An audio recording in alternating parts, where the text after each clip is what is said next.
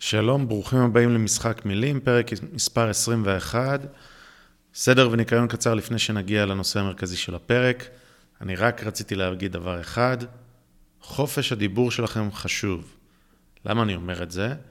כי לפני הבחירות הקודמות, אתם זוכרים אולי שהיה תחקיר אה, מזעזע בידיעות אחרונות על רשת בוטים, שהסתבר תוך כמה שעות שהתחקיר הזה היה כולו שקרי, נבזי, והיה בעצם במטרה להשתיק אה, אנשים פשוטים שהיו ברשתות. איך אני יודע שזה היה שקרי? כי כל האנשים שהיו שם, הם היו אנשים רגילים, יודעים מה, אמרתי כל, אולי היה איזה בוט אחד. הרבה אנשים שצוינו שם כבוטים, כפעילים, כאנשים בתשלום, כרשת אה, אה, שבאה לעשות עלינו מניפולציות, זה אנשים רגילים שפשוט מצייצים וכותבים פוסטים וניסו להשתיק אותם. למה אני אומר שניסו להשתיק אותם? כי התלוננו לפייסבוק ולטוויטר ומחקו כ-200 חשבונות. ואחרי זה היה שימוע בוועדת הבחירות המרכזית בראשות היושב ראש הדגול חנן מלצר, שאם אתם רוצים, תסתכלו בקישור ששמתי פה על האינקוויזיציה שהוא עשה לחלק מה, מהעדים והמעידים, פשוט בדיחה. ופשוט ניסו להשתיק אנשים, והצליחו במידה לא מבוטלת להשתיק אותם לפחות לפרק זמן מסוים. אה, למה אני נזכרתי בכל זה? כי אותם בוטים, במרכאות, אה, תובעים, תובעים דיבה, נגרם להם נזק גם כי הם נחשפו שהם לא רצו להיחשף וגם כי אה, לקחו להם, הם, הם נפגעו, המוניטין שלהם נפגע ולקחו להם את הפלטפורמות החברתיות לחלקם. אה, זהו, אז הם אה, תובעים תביעת דיבה, והם עושים גיוס המונים. יש אה, כמה עשרות ש, שעושים תביעה ביחד. מי שמוביל את זה הוא חיים אלקסלסי, שהוא אחד מאלה, מהבוטים לכאורה, שהופיעו באותו דוח, והוא התחיל קמפיין מימון המונים. אני תרמתי. למה? כי באמת ניסו להשתיק גורמי, גורמים ממסדיים, כמו ידיעות אחרונות, עם הכתב דוקטור רונן ברגמן, שאיבדתי אליו כל כבוד אחרי הדבר המזעזע הזה. אה, פשוט ניסו להשתיק אנשים רגילים. ואני בן אדם רגיל, וגם אותי ישתיקו פעם הבאה, ואני לא מוכן. חופש הדיבור שלי זה הדבר הכי חשוב, הכי חשוב בחברה חופשית, כי זה בעצם חופש המחשבה. ולכן אני תרמתי, ותרמתי לא מעט לקמפיין הזה, אבל הקמפיין הזה מדשדש, יש עוד uh, קצת יותר משלושה שבועות, והם צריכים לעמוד ביעד כדי ש, שהכסף ירד. אם לא יעמדו ביעד, אז כרטיס האשראי שלכם לא יחויב. אני מפציר בכם, לא משנה מה הדעה הפוליטית שלכם, אם חופש הדיבור חשוב לכם, כנסו ללינק הראשון שמופיע פה בתיאור ותתרמו. זה חשוב, אחרת יבואו אחריכם גם. תתרמו, תחצו על הלינק. אוקיי, אז אחרי שאמרנו את זה, לנושא של הפרק של היום, היום אני מדבר עם אבי וייס, שהוא... אה, פנסיונר של משטרת ישראל, והוא איש שמתאים בדיוק לדבר על אחד מתיקי נתניהו, ואני מדבר על תיק 4000, הוא מסביר את הרקע שלו בפירוט, למה הוא בדיוק מתאים לדבר על זה ואיך הוא מומחה לעניין. והוא מדבר על תיק 4000, ואני אתן לכם לשמוע אה, את כל מה שהוא אומר. בגדול, הטענה המרכזית שלו, לא מיני ולא מקצתי, ותשמעו, תשפטו בעצמכם, הכל כמובן עם כישורים. רק למען הסר ספק, אני לנתניהו לא הולך להצביע, אני פשוט קצת אוהב את האמת, זה הכל. וזה היה לי מאוד חשוב שנדבר על זה פה לפני הבחירות, כדי שיהיה לכם את המידע. בסוף הפרק אני נותן עוד איזושהי הערה, אז אחרי שאני מסיים את השיחה עם אבי, אה, תישארו ויש לי שם עוד, אה, עוד איזה כמה דקות של, אה, של דיבור. אז קדימה, זה הזמן לשחק את המשחק. Time to play the game. Time to play the game.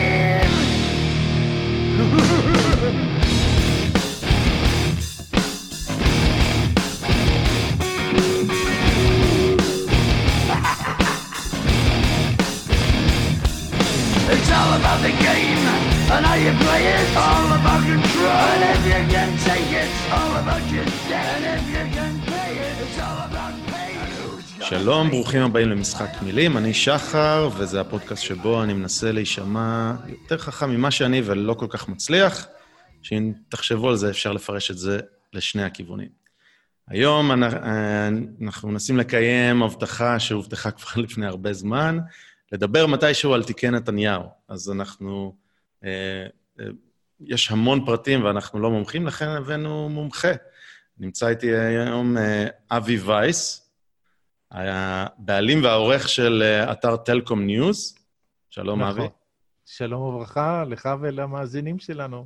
שלום, שלום. אה, אני רגע שם מסגרת. אבי, אה, אתה עוד שנייה תיתן את הרקע שלך, אבל היום גבולות הגזרה, בגדול, עם קצת נספחים, זה תיק 4000, שזה התיק א' המרכזי, ב' החשדות הכי כבדים, וג' הכי מסובך.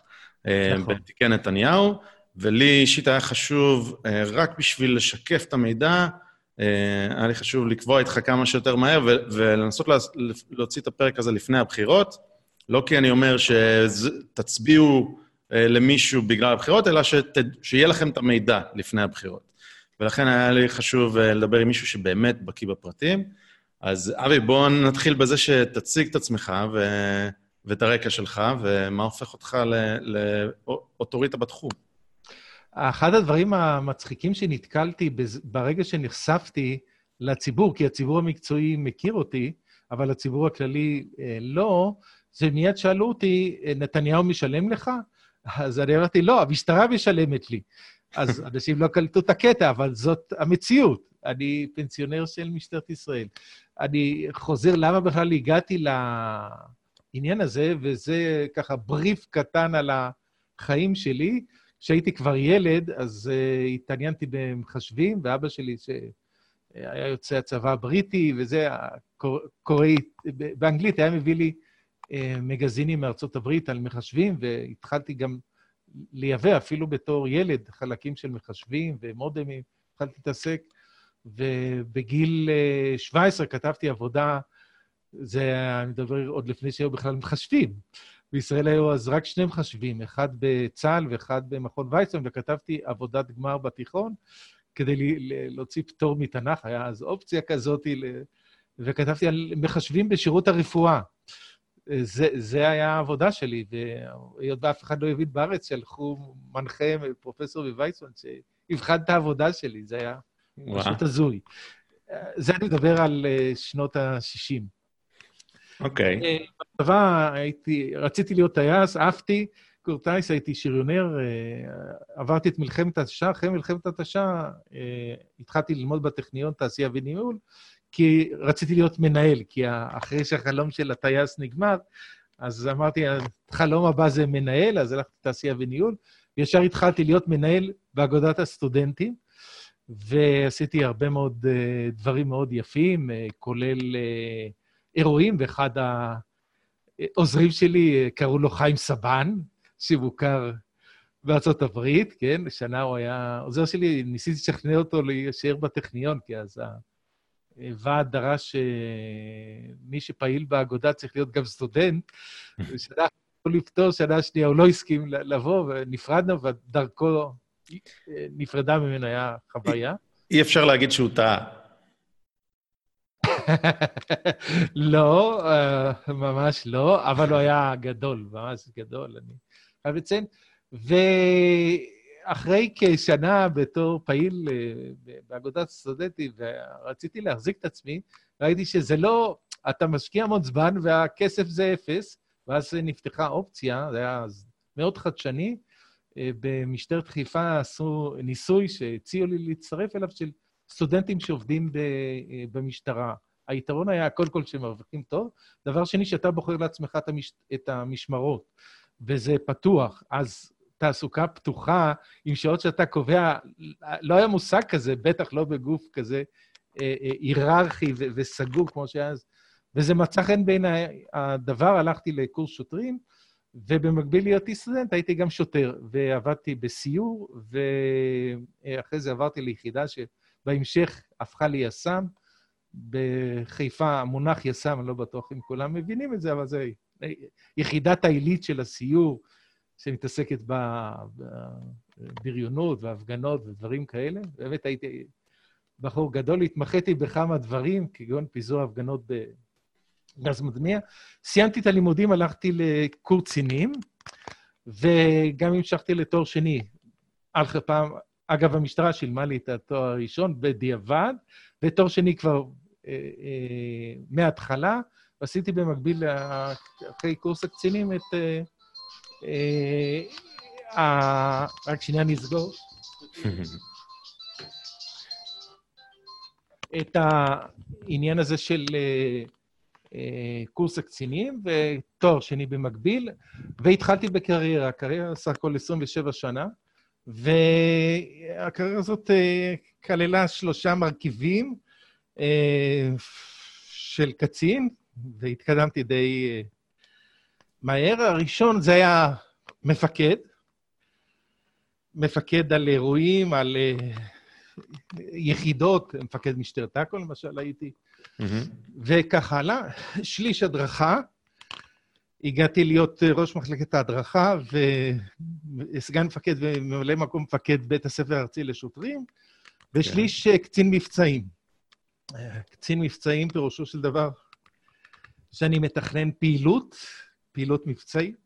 המבצעים הכי גדולים שתכננתי וניהלתי זה הביקור סאדאת הנשיא סאדאת המצרי בחיפה, אה, באינתיפאדה, ועוד אירוע מרד של הדרוזים ברמת הגולן, וכך הלאה. אוקיי, מעניין. אה, וזה היה השירות שלי, שהגעתי לטופ שהרגשתי. התחלתי בקריירה כבר לפני סיום השירות, התחלתי בקריירה חדשה, אבל שהאהבה שלי למחשבים לא נעלמה. והכנסתי גם מחשוב, בכל מקום שהייתי, גם מפקד, גם איש מבצעים וגם בהדרכה, הכנסתי מחשוב, הייתי הראשון שהכניס אה, במשטרת ישראל, בצה"ל, היה לפניו, למדתי אה, מחשוב בתחום של ההדרכה. אה, אפילו, ב, אנחנו מדברים עכשיו על חקירות, מחשבתי את אה, נושא של הכשרת החוקרים והקציני חקירות. אוקיי. Okay. אה, זה היה אז דברים נחשוניים, צריך להבין שרק אז התחיל ה-PC להיכנס. ו... מאוד אהבתי את זה, והיה לי מפקד, קראו לו טרנר, היה מפכ"ל, ובאתי אליו ברעיון כי קיבלתי הצעה, הייתי הולך לאירועים מקצועיים, באחד האירועים המקצועיים, אה, אה, בחורה ששמעה אותי מדבר בלהט על כל מיני נושאים מקצועיים, אמרה, אולי אתה יכול לכתוב עליהם? אמרתי, כן. היא הייתה עורכת של עיתון טכנולוגיות, זה היה שמו, שהעיתון הזה נעלם, והיא הציעה לי לכתוב, אמרתי לה, אני לא יכול לכתוב בכסף, אבל אני, בהתנדבות אני יכול, ואני צריך אישור. ופניתי לטרנר, ואם אני יכול, הוא אומר, בוודאי, מה זאת אומרת? והתחלתי לכתוב, ו... זה עדיין כקצין בכיר. כן, כן. Okay. אוקיי. כתבתי במשך אה, למעלה משנתיים לפני שסיימתי את השירות. אה, וכתבתי תחת שם אה, אה, בדוי שנקרא מיסטר ISDN, זה היה השם שהופיע למאמרים. איך מיסטר מה? מיסטר ISDN, אז היה טכנולוגיה שבזק... ISDN, כן. כן, מיסטר ISDN, וזה השם שהייתי מופיע באירועים ועל הכתבות, ככה היו קוראים לי, לא הכירו אותי. ואחרי איזה שנה וחצי אה, שאני כתבתי, וכבר כתבתי באופן סדיר, כי היה ביקוש למאמרים שאני כותב, אז פגשתי טרנר, והוא שואל אותו ככה, דרך אגב, תגיד, איך הולך לך עם הכתבות? אמרתי לי, הולך אה, יפה מאוד, אה, אבל תדע לך שאני כותב תכף ישראל דד. הוא אומר לי, מה? למה? אה, אומר, אתה צריך להיות גאה בזה שקצין משטרה כותב. טוב, לא, כי לא ביקשתי ממנו אישור, לא דיברתי איתו על זה שאני בשם בדוי, וברגע שהוא נתן את ההסכמה שלו, שאני אופיע תחת שמי והתואר שלי, אז ניסיתי למחוק ולהיפטר מזה, אבל הרבה שנים אחרי זה עוד אנשים הכירו אותי תחת השם הזה, גם שכבר כתבתי תחת uh, שמי. וזהו, הגעתי לקצה הפירמידה שהבנתי, או אגב, טרנר התחלף ובא מפכ"ל חדש, שלא היה, לא ראיתי אותו עין בעין, והבנתי שאבוד לי היכולת אה, להחליף אותו בהמשך או להתקדם. וביקשתי ממנו לצאת לפנסיה, והוא אישר לי, קידם אותי עוד בדרגה, קיבלתי תת-ניצב לפרישה, ויצאתי, וכבר כתבתי קודם, אבל קפצו עליי אה, כמה, כי ראו שאני טוב, מי שעברתי אליו זה היה פלי, פלי, הנמר ככה הוא מכונה בישראל, אה, שהוא בית ההוצאה הגדול ביותר לתחום אה, הייטק בישראל, והוא הציע לי לרכז את תחום הטלקום באנשים ומחשבים, זאת הקבוצה. במשך 13 שנה אה, ניהלתי שם את תחום הטלקום, קמתי את זה מאפס. בשיא היינו שישה כתבים, היינו שני עיתונים, עיתון אונליין, היה לנו אירועים, היה לנו ש... ארבעה מועדוני מנהלים. אחד ממועדוני המנהלים, וזה הקטע שמתקשר לתיק 4000, היה מועדון מנהלים לענייני רגולציה, mm-hmm. שניהל את זה אה, אה, היושב ראש של ארגון יועצי התקשורת, בהנחייתי כמובן, ואני הייתי הבוס, מה שנקרא, מעל. והיינו ביחסים מאוד טובים עם משרד תקשורת ועסקנו בענייני רגולציה, היה לנו מפגשים חודשיים אה, עם כל מי שמתעניין בתחום הזה, כי זה תחום שהתחיל להיות אה, להיט. וב-2006 קרה משהו מאוד מפתיע, בעלת הבית ואנשים המחשבים החליטה שלטלקום אין עתיד, הייתה טעות, והחליטה לחסל את כל המפעל שאני עמדתי בראשו, והציעה לי להיות כתב לענייני IT, לא הסכמתי. יצאתי, ובדיוק אז התפנה מקום בעיתון אה, שנקרא דקום. לא חשוב כרגע אה, איך העיתון הזה התגלגל, אני הייתי סגן עורך מלא מקום, חיים חביב, שגייסתי אותו, הוא היה עורך, כי באותו זמן עברתי לנהריה, לא רציתי להיות עורך. ושש שנים הייתי אה, בדקום, וגם עשינו אירועים וכך הלאה, וכתוצאה מכך שהתחרינו עם אה, פלי, עם אה, אנשים במחשבים, אחרי שש שנים אנחנו לא היינו הבעלים. אה, פלי קנה אותנו מעל הראש שלנו, וחזרתי לעבוד אצלו. חזרת אליו, אוקיי. כן, נכון, למשך חצי שנה, אבל זה היה ברור שזה לא, כבר לא יחזיק מעמד. חיים התפטר, שהיה עורך, התפטר לפניי. אני פרשתי בשקט והכנתי את ה... הפלטפורמה הבאה שלי, שזה Telecom News. במרץ 2013 עליתי עם uh, טלקום ניוז, שזה רק שלי, אשתי הצטרפה אליי. היא כבר היא יצאה לפנסיה מהקריירה הקודמת שלה בתחום של האלכוהול והסמים. היא דוקטור לתחומים האלה, והיא הצטרפה אליי כעורכת אה, משנה כזאת ורכזת מערכת, ואני הבעלים והעורך הראשי. יש 16 איש שכותבים בהתנדבות, זה אה, אתר שמגיע בסביבות 150 אה, עד 200 אלף קוראים באופן קבוע. מאז שעלינו, גם בדקום, זה היה סדר הגודל של האוכלוסייה. זאת אומרת, האוכלוסייה הזאת המקצועית, אה, שאני כותב לה כבר משנות ה-90, כבר שסיפרתי לך שעוד הייתי בשירות המשטרתי, היא מכירה אותי, אמנם הכירה אותי שנתיים, שלוש הראשונות בתור מיסטר אייסדיאן, אבל בהמשך הכירה אותי כבר בשמי ובאירועים וכך הלאה.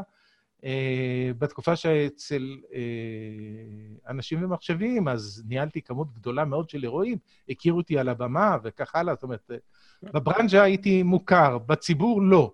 אוקיי, okay. כן. קרה משהו באמצע, וזה עכשיו קשור לתקשורת. עד uh, 2009 היה לי יחסים מצוינים עם משרד התקשורת, וכפי שציינתי, אפילו היה מועדון מנהלים שניהלתי אותו, והמשכתי אז... כשעברתי לדקום, המשכתי עם מועדון משלי בתוך אה, דקום, ועשינו אירועים, ובאמת היה יחסים מאוד טובים עם הרגולטורים ו- וכל המערכות של התקשורת, והיה פתוח, וממש אה, פתוח. פתאום זה בבת אחת נגמר.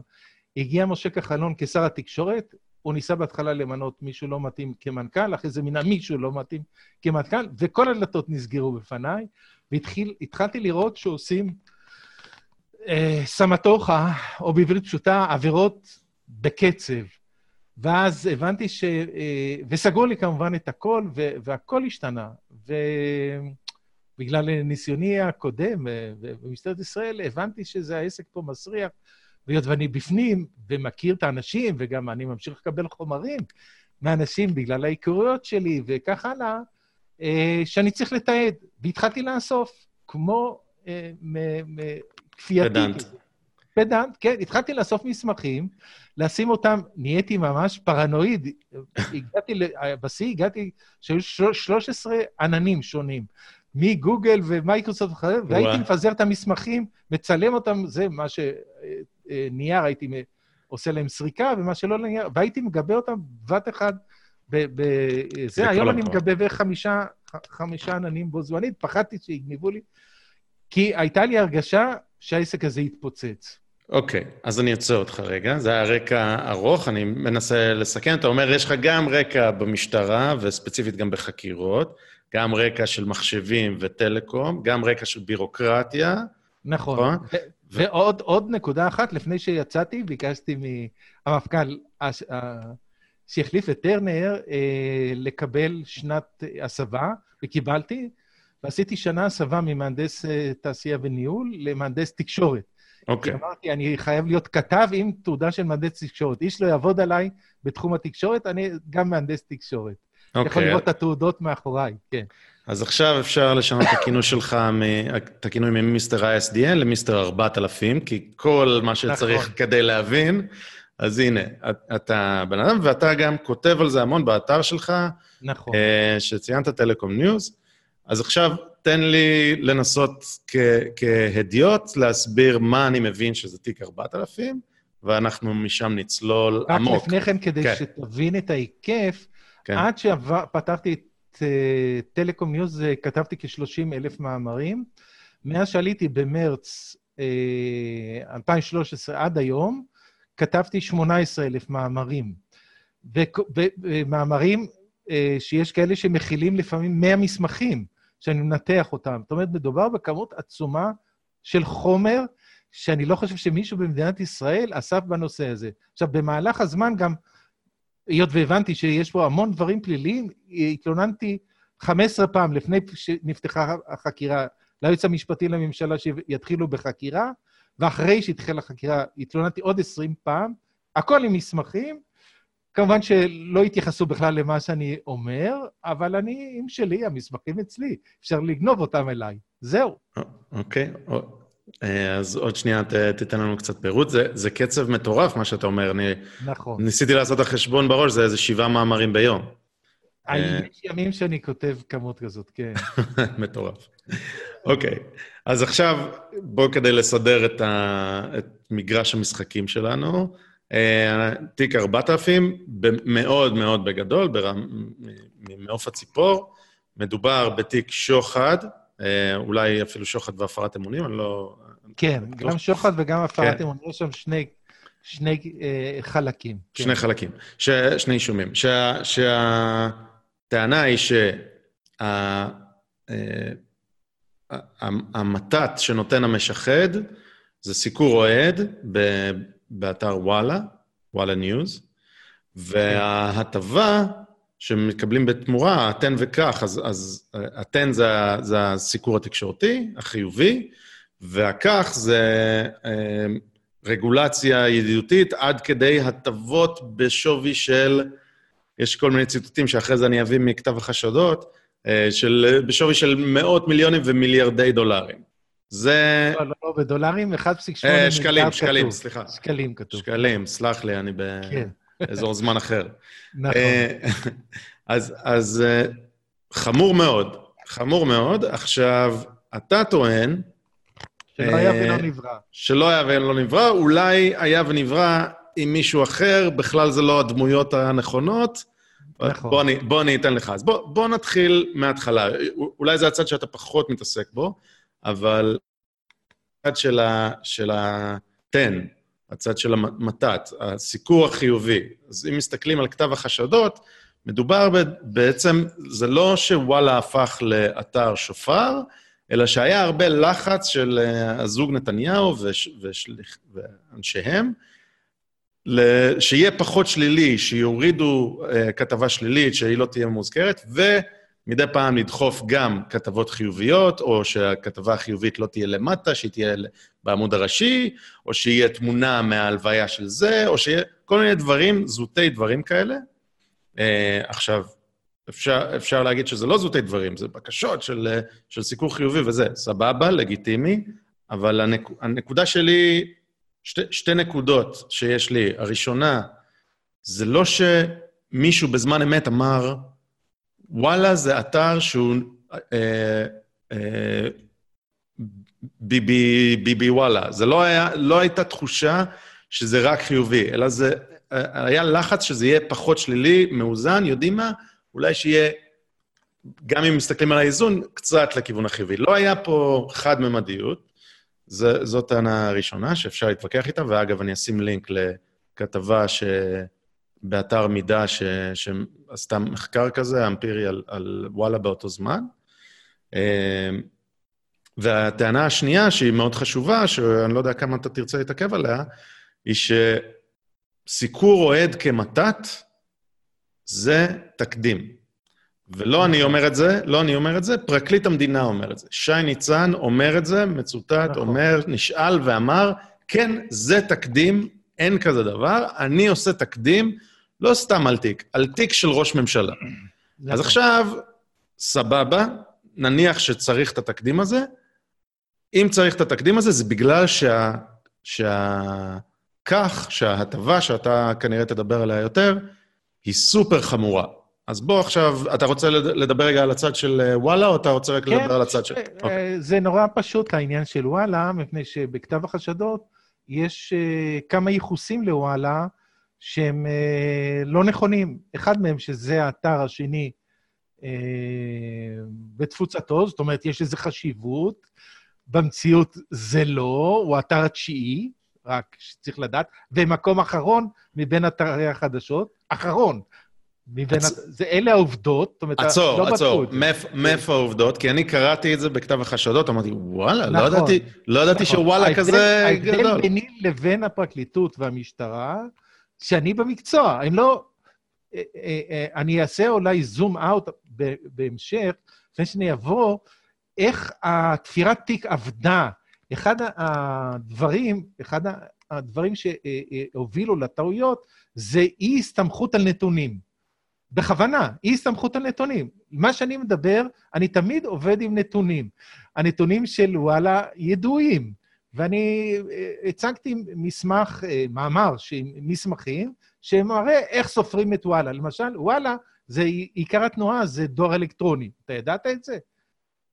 לא ידעת. אבל לא. רוב התנועה בוואלה זה בכלל דואר אלקטרוני, לא אנשים. לא אתר החדשה, אוקיי. לא, אתר החדשות הוא שולי לחלוטין. זאת אומרת, יש נתונים, הכל, הכל, צריך רק לאסוף את הנתונים ולהציג אותם. אז עכשיו, מי שלא מכיר את הנתונים, אומר, וואי, מה זה, אתר שני בחשיבותו? מה עושים? אז קודם כל צריך לדעת את העובדות. העובדות הוא שהוא האתר התשיעי האחרון בין אתרי החדשות, שנקרא uh, level A, זאת אומרת, הרמה הראשונה של אתרי החדשות, כי יש אתרי חדשות level B ו-level C, אני למשל נמצא ב-level C, זאת אומרת, חבר'ה של 200 עד 200, 300 אלף אה, קוראים. אז באתרים של המיליונים פלוס, מיליון פלוס, אז אה, יש תשעה והם, הוא התשיעי. זאת אומרת, אחד, הוא לא חשוב. ב', רוב התנועה אליו היא בכלל לא בני אדם, אלא אה, מסחר אלקטרוני ודואר אלקטרוני. שליש זה רק דואר אלקטרוני בכלל. כי יש וואלה קום, שזה דואר אלקטרוני לאותו דומיין. תרגיל מאוד פשוט שעושים עוד, ואנשים מחשבים עוד כשהייתי קטן היינו עושים את התרגילים האלה. דבר שני, ביבי, או לא ביבי, הוא אף פעם לא פנה באופן אישי, אלה שמטעמו, הדובר שלו וכדומה, היו פונים לבקש שינויים בעיתונים, בכל העיתונים. רק המשטרה לקחה את הפנייה שלהם לוואלה. למה? כי uh, זה שמוואלה תיעד את זה, אבל אם היו בודקים בטלפון של uh, חפץ, היו מגלים שהוא פונה באופן שיטתי לכולם. איך, לא איך אתה יודע את זה? איך אתה יודע? אני ראיתי את זה. אני, ש... תמיד מה ש... בואו אני אחזור על נקודת המוצא, ואני כנראה פספסת את זה.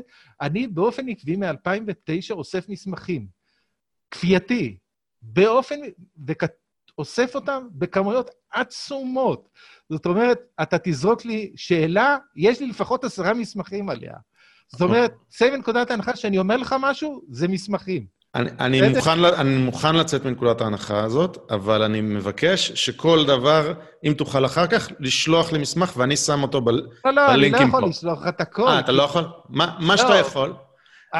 כל, מה שאני יכול, אני יכול לשלוח לך את המאמר האחרון, שיש בו בעיה. לכל האלפים. אין בעיה. ו... אני, אני אומר, כל דבר שאנחנו אומרים פה, אני מנסה, אני לפחות, כשאני מדבר, אמנם אני שרלטן קטן, אבל אני מנסה למסמך את עצמי לפחות עם איזשהו מקור. עכשיו, אתה, יש לך, מיל... יש לך המון מקורות, אני, אני רק רוצה לא, שבשביל זה, זה לא. רק מקורות, שם, אני שם את זה גלוי, כל אחד יכול לראות את זה. אני, אני מבין, אני רק רוצה שתעזור למאזין, או המאזינה, לבוא ולאמת את מה שאתה אומר במסמך שאתה נכון. אומר שנמצא אצלך. אז, אז אחרי זה נדבר על, על לינקים, אתה תשלח זה- לי ואני זה- אשים. זה- לא, לא, אני אעשה את זה פשוט. במאמר האחרון החלטתי שזה אני אעשה בדיוק מה שאתה כרגע מתכוון. אני אכניס קישור לכל מה שכתבתי, וזה פשוט סיכום. סיכום ארוך מאוד, קרוב ל-20 עמודים של לינקים, וכל לינק מוביל למאמר שבו יש לינקים. זאת אומרת, מדובר פה באלפים של לינקים, והכנסתי את זה תחת מאמר אחד. אוקיי. אז, אז במאמר האחרון יש את זה, זה אה, נמצא. כולל לוחות הזמנים, כולל הכל. יש הכל. ת- אה, תגיד, כמובן אני- שאף בן אדם נורמלי לא יצא מזה. כן. אה, לצערי, אני לא נורמלי, נראה מה יהיה. תגיד, יש איזה חוב קטן שלא שאלתי אותך בהתחלה, אבל אתה ביביסט? לא, מה פתאום. אה, אוקיי, תן, בכל זאת אה, לא, אני. שונא פוליטיקאי עוד בהיותי סטודנט, ואני לא מוכן להתקרב אליו, לא לביבי ולא לאף אחד. פשוט לא, הם לא מעניינים אותי. ומה שקרה, בגלל שהייתי בתוך העניינים, כשביבי היה שר התקשורת, הוא לא התעסק בתקשורת. הוא התעסק בטלוויזיה, התעסק בעיתונות. בתקשורת הוא לא התעסק. עכשיו, העבירות שמייחסות לו, מיוחסים לו, זה בתחום התקשורת, בתחום של בזק. אבל הוא לא התעסק בזה. נכון שהביאו לו מסמכים לחתימה, אבל זה לא עניין אותו. הוא חתם וזהו, הוא לא בדק, לא דיבר, לא הסתכל, לא עניין. ומה שזה הוביל, שהוא נתן את הגיבוי לאלה שמתחתיו למוטט את בזק. בסוף בזק התמוטטה, ואלוביץ', זאת אומרת, ב- למעשה הוא היה נגד בזק, הוא הכריז על זה כמה פעמים. אנחנו מקדימים את המאוחר. אנחנו נכון. מקדימים את המאוחר. דיב- דיברת על וואלה, אמרת לא שני ולא נעליים, תשיעי נכון. ואחרון ב- באתרי ה... ברשימה. אני קראתי את כתב החשדות והייתי בהלם שוואלה, נכון, הוא מקום שני, אמרתי, אני, אני לא בעניינים, אבל נכון. אוקיי, מע- מעניין. נכון. אתה אומר שהנתונים פשוט שיחקו עם הסטטיסטיקה כדי שזה ייראה כאילו לא, זה אתה. לא בדקו את הסטטיסטיקה, לא בדקו כלום, כלום. פשוט אוקיי. לקחו את מה שאומר חפץ, ואילן ישועה, שהוא היה אמור להיות עד מדינה, אבל משום מה הוא לא עד מדינה, והאמינו להם בלי לבדוק ולאמת את זה מול נתוני האמת. זה הכל. אז בגלל שלא בדקו את הנתונים, ולא בדקו שחפץ והאחרים פנו לכל העיתונים, בדיוק אותו דבר. עכשיו, תשמע, אני עורך אה, אה, מזה הרבה מאוד שנים עיתון, ואתה יודע שאני מקבל בקשות כל יום, כל יום, לשנות כותרת, להחליף תמונה, זה, זה עבודה של העיתונאים, כל הזמן זה קורה. ועכשיו, מה, זה שוחד? זה, זה, זה נראה... אי אפשר להפוך את העבודת יחסי הציבור לשוחד, כי ככה זה בנוי מאז שהעיתונות הוקמה, אנשים ופוליטיקאים בטח רוצים לראות טוב בעיתון. מה לעשות? אפילו, אני יודע, מנכ"ל, תאר לך, אני אכתוב עכשיו על מנכ"ל אפל משהו שלילי. אתה יודע מה יעשו לי בישראל? לא רק אפל, מסביב וזה. זאת אומרת, אני בתור עורך, אני אקבל כל הזמן, ואני מקבל, כל יום, אני מקבל בסביבות 100 פניות ביום. 100. 99 אני זורק לפח, אחד אני מטפל.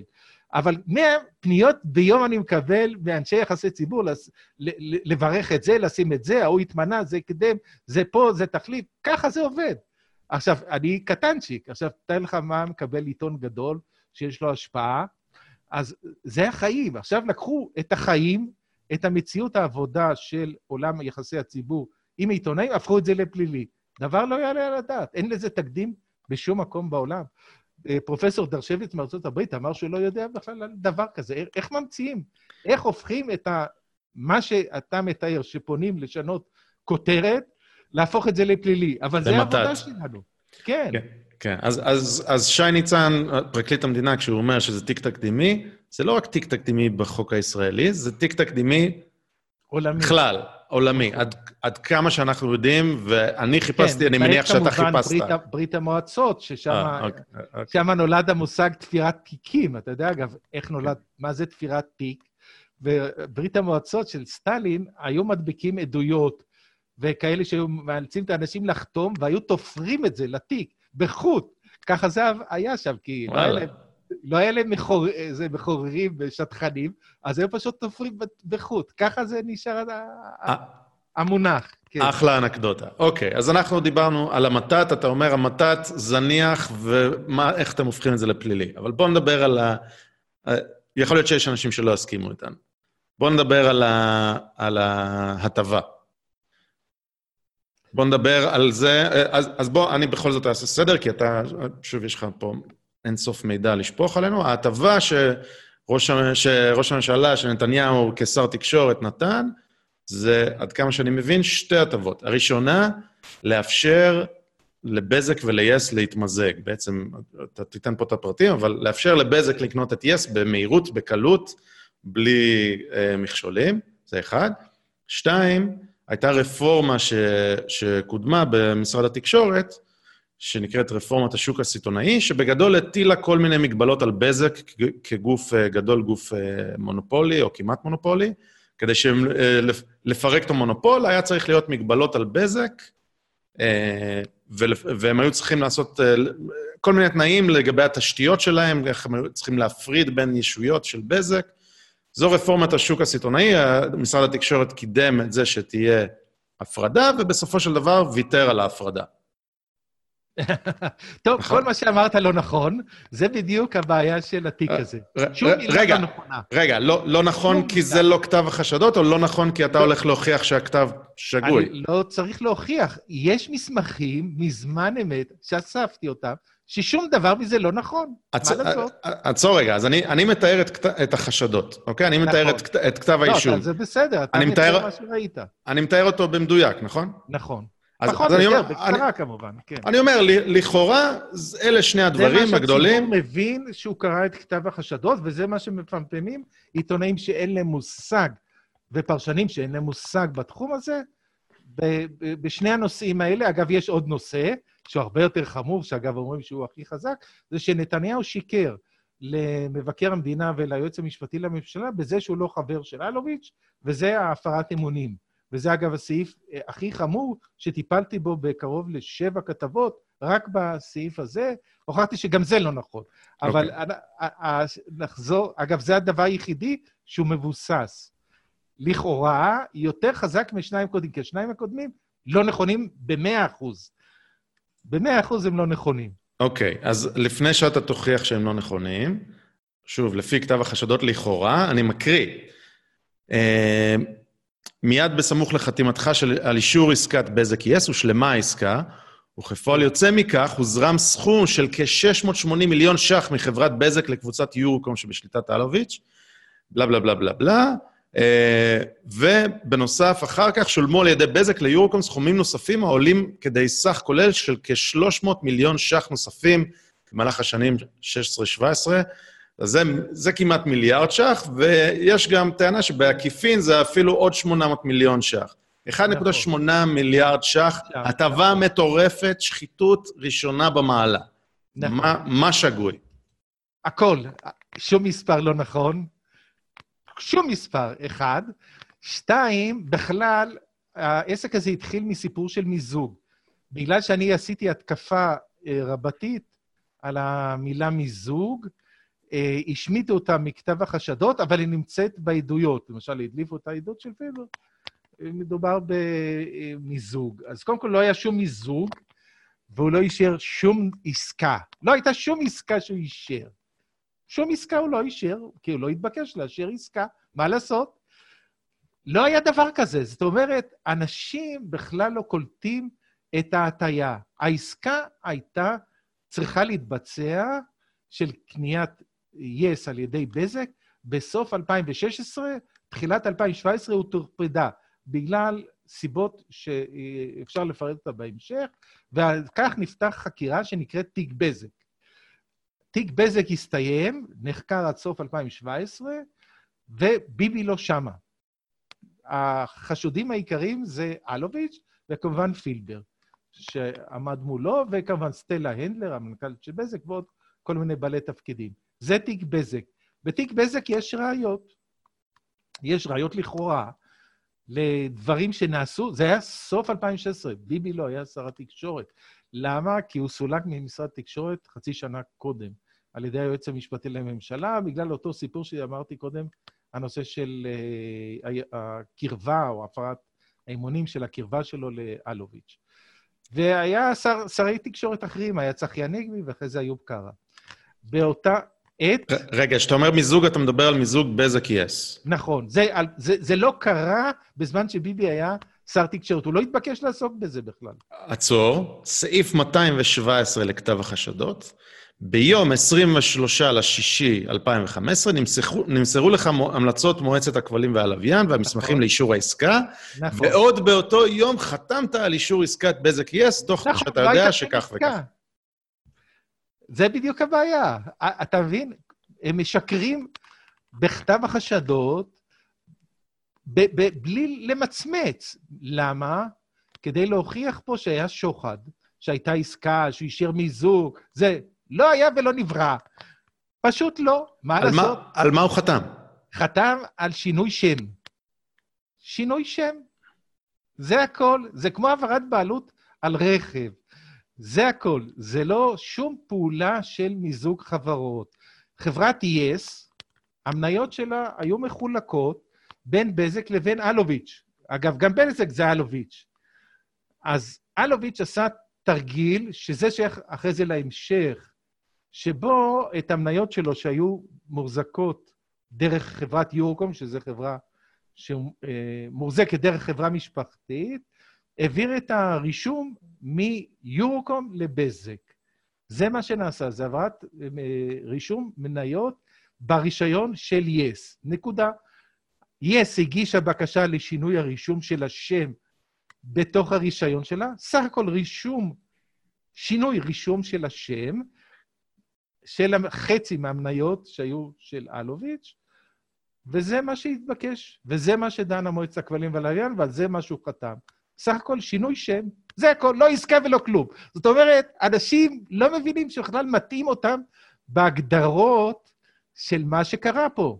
ואז לכן כל הכסף וכל זה בכלל לא רלוונטי. מה זה רלוונטי? זה קרה אחרי זה, זה לא שייך לביבי בכלל. ביבי החליט כמה זה עולה וכמה שילמו על המניות ומי עושה ומה. זה החליטו, החליטו מועצות המנהלים של שתי החברות. זה לא שייך אליו בכלל.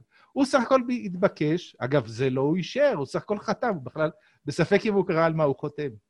למה? הוא חתם באותו יום לא רק על האישור הזה, הוא גם חתם אישור של העברת שם המניות בהוט. בהוט לא חקרו למה העבירו את השם, לא חקרו, קראו, קוראים לו דרעי, הבעלים של הוט. גם הוא ביקש הטבות לעשות בגלל רישום. ככה כל הזמן עושים. ואחרי זה הוא חתם לסלקום על העברת שמות, כי קנה את זה אדוארדו. זאת אומרת, זה סך הכל שינוי בעלות על רישום מניות ברישיון. זה הכל מה שנדרש. עניין פרוצדורלי. הבנתי. אה, אוקיי. כלום עבירה אין פה. כלום. רגע, אני, אני, אני מנסה לאתגר אותך, אתה, תהיה לך תשובה להכל, אני בטוח.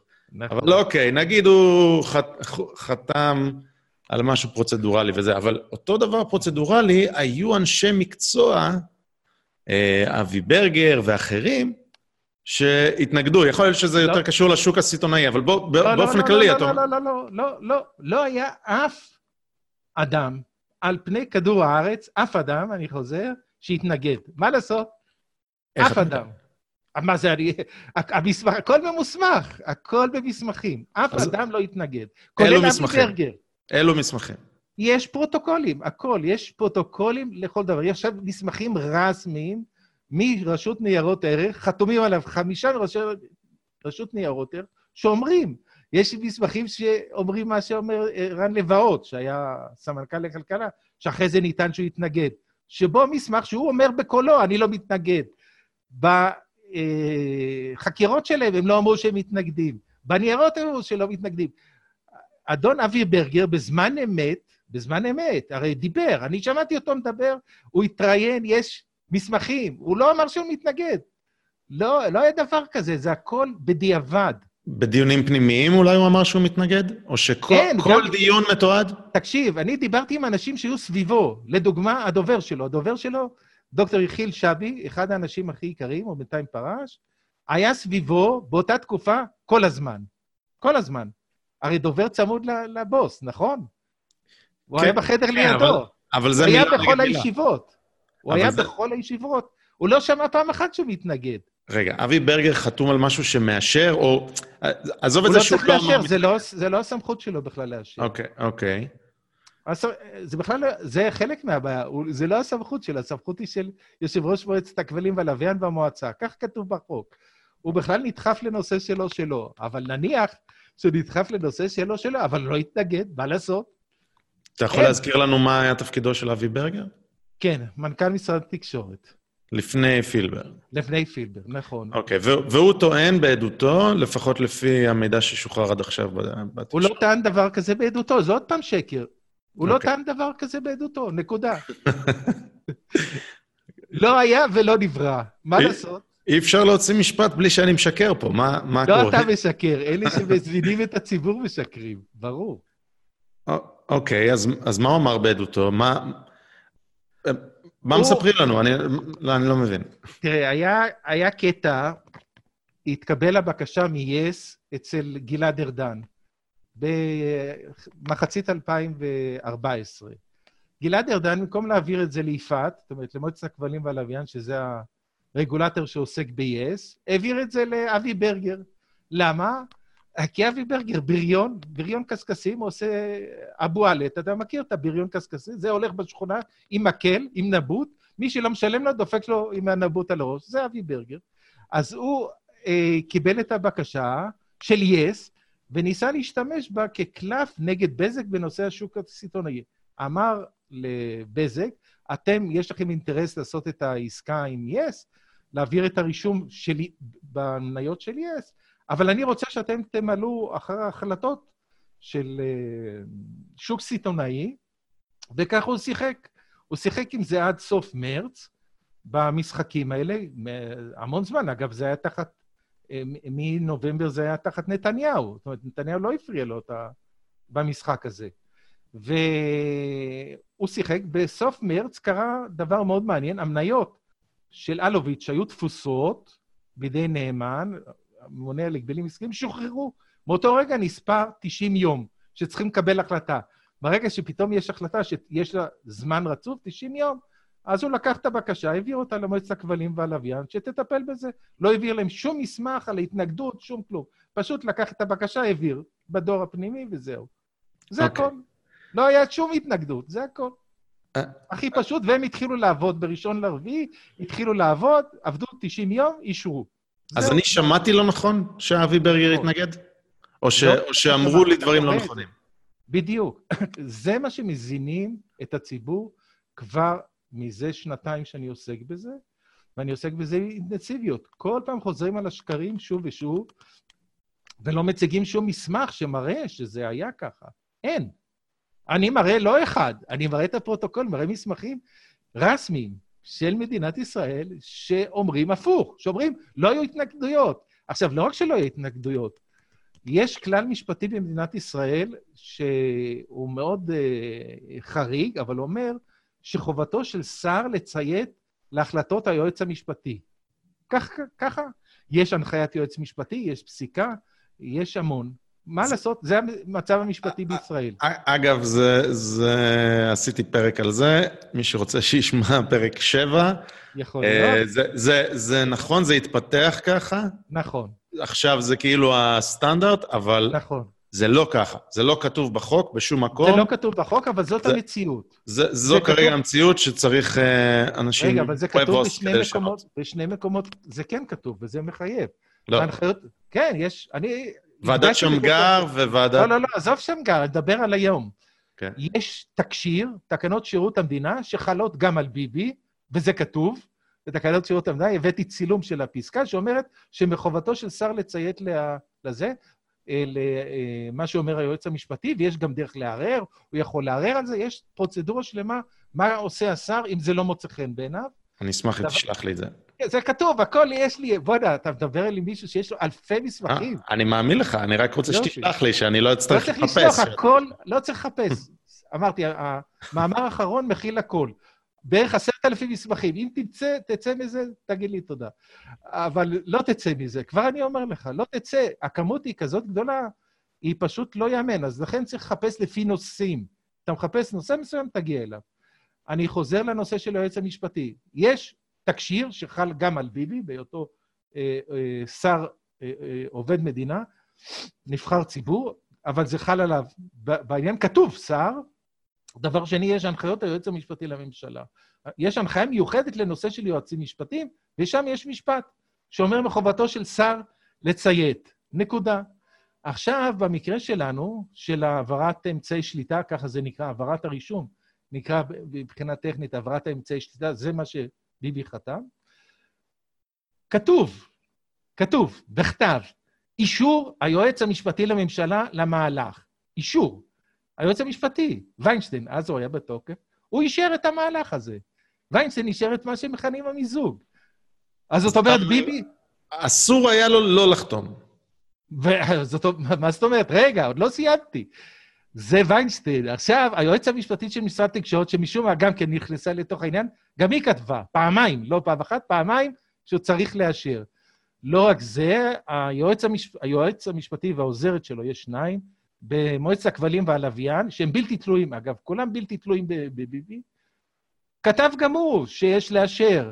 דבר שלישי, הממונה על ההגבלים העסקיים והיועצים המשפטיים שלהם, זה איזה 50 איש, כתבו שצריך לאשר.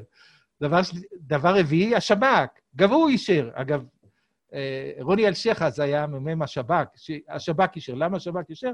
כי בזק, שיס היא חלק מקבוצת בזק, היא נחשבת תשתית חיונית, והשב"כ צריך לאשר כל דבר שם. ככה זה המציאות. ויש עוד uh, ועדת הריכוזיות אישרו, ועוד כמה. בקיצור, כל היועצים המשפטיים, כולם, מהיועץ המשפטי לממשלה למעלה, ועד אחרון היועצים המשפטיים למטה, כולם אישרו. זאת אומרת, לביבי, אפילו אם היה רוצה, לא יכול לא לאשר. אין מצב כזה בישראל. פשוט אין. זאת אומרת, מדובר פה בדבר... איך אתה יכול להאשים בן אדם שמציית להוראות היועץ המשפטי ולהגיד לו עכשיו על זה פלילי? זה לא הגיוני. אתה מסכים איתי אוקיי. שזה לא הגיוני? לא, זה, זה נשמע פשוט אה, כאילו חי, נכון? בעול, חי בעולם מראה. תגיד, נכון. רגע, מה, מה רמת ה...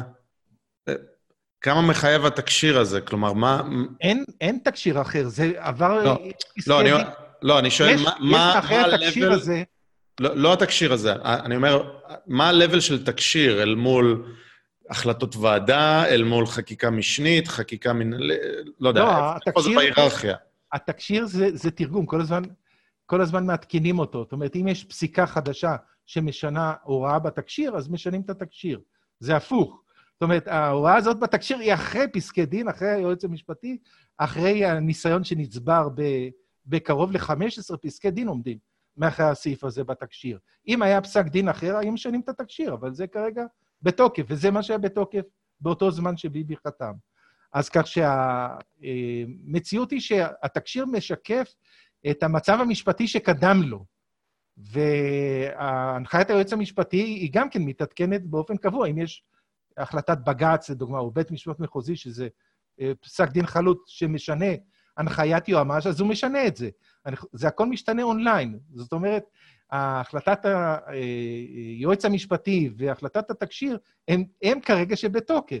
והם חלו באותו זמן, וזה מה שמחייב. אפילו אם ביבי לא היה יודע שיש תקשיר ויש הנחיה, והוא לא צריך לדעת, אבל כשבאים אליו ומראים לו את האישור יועץ משפטי, והראו לו, והיה שם מסמכים.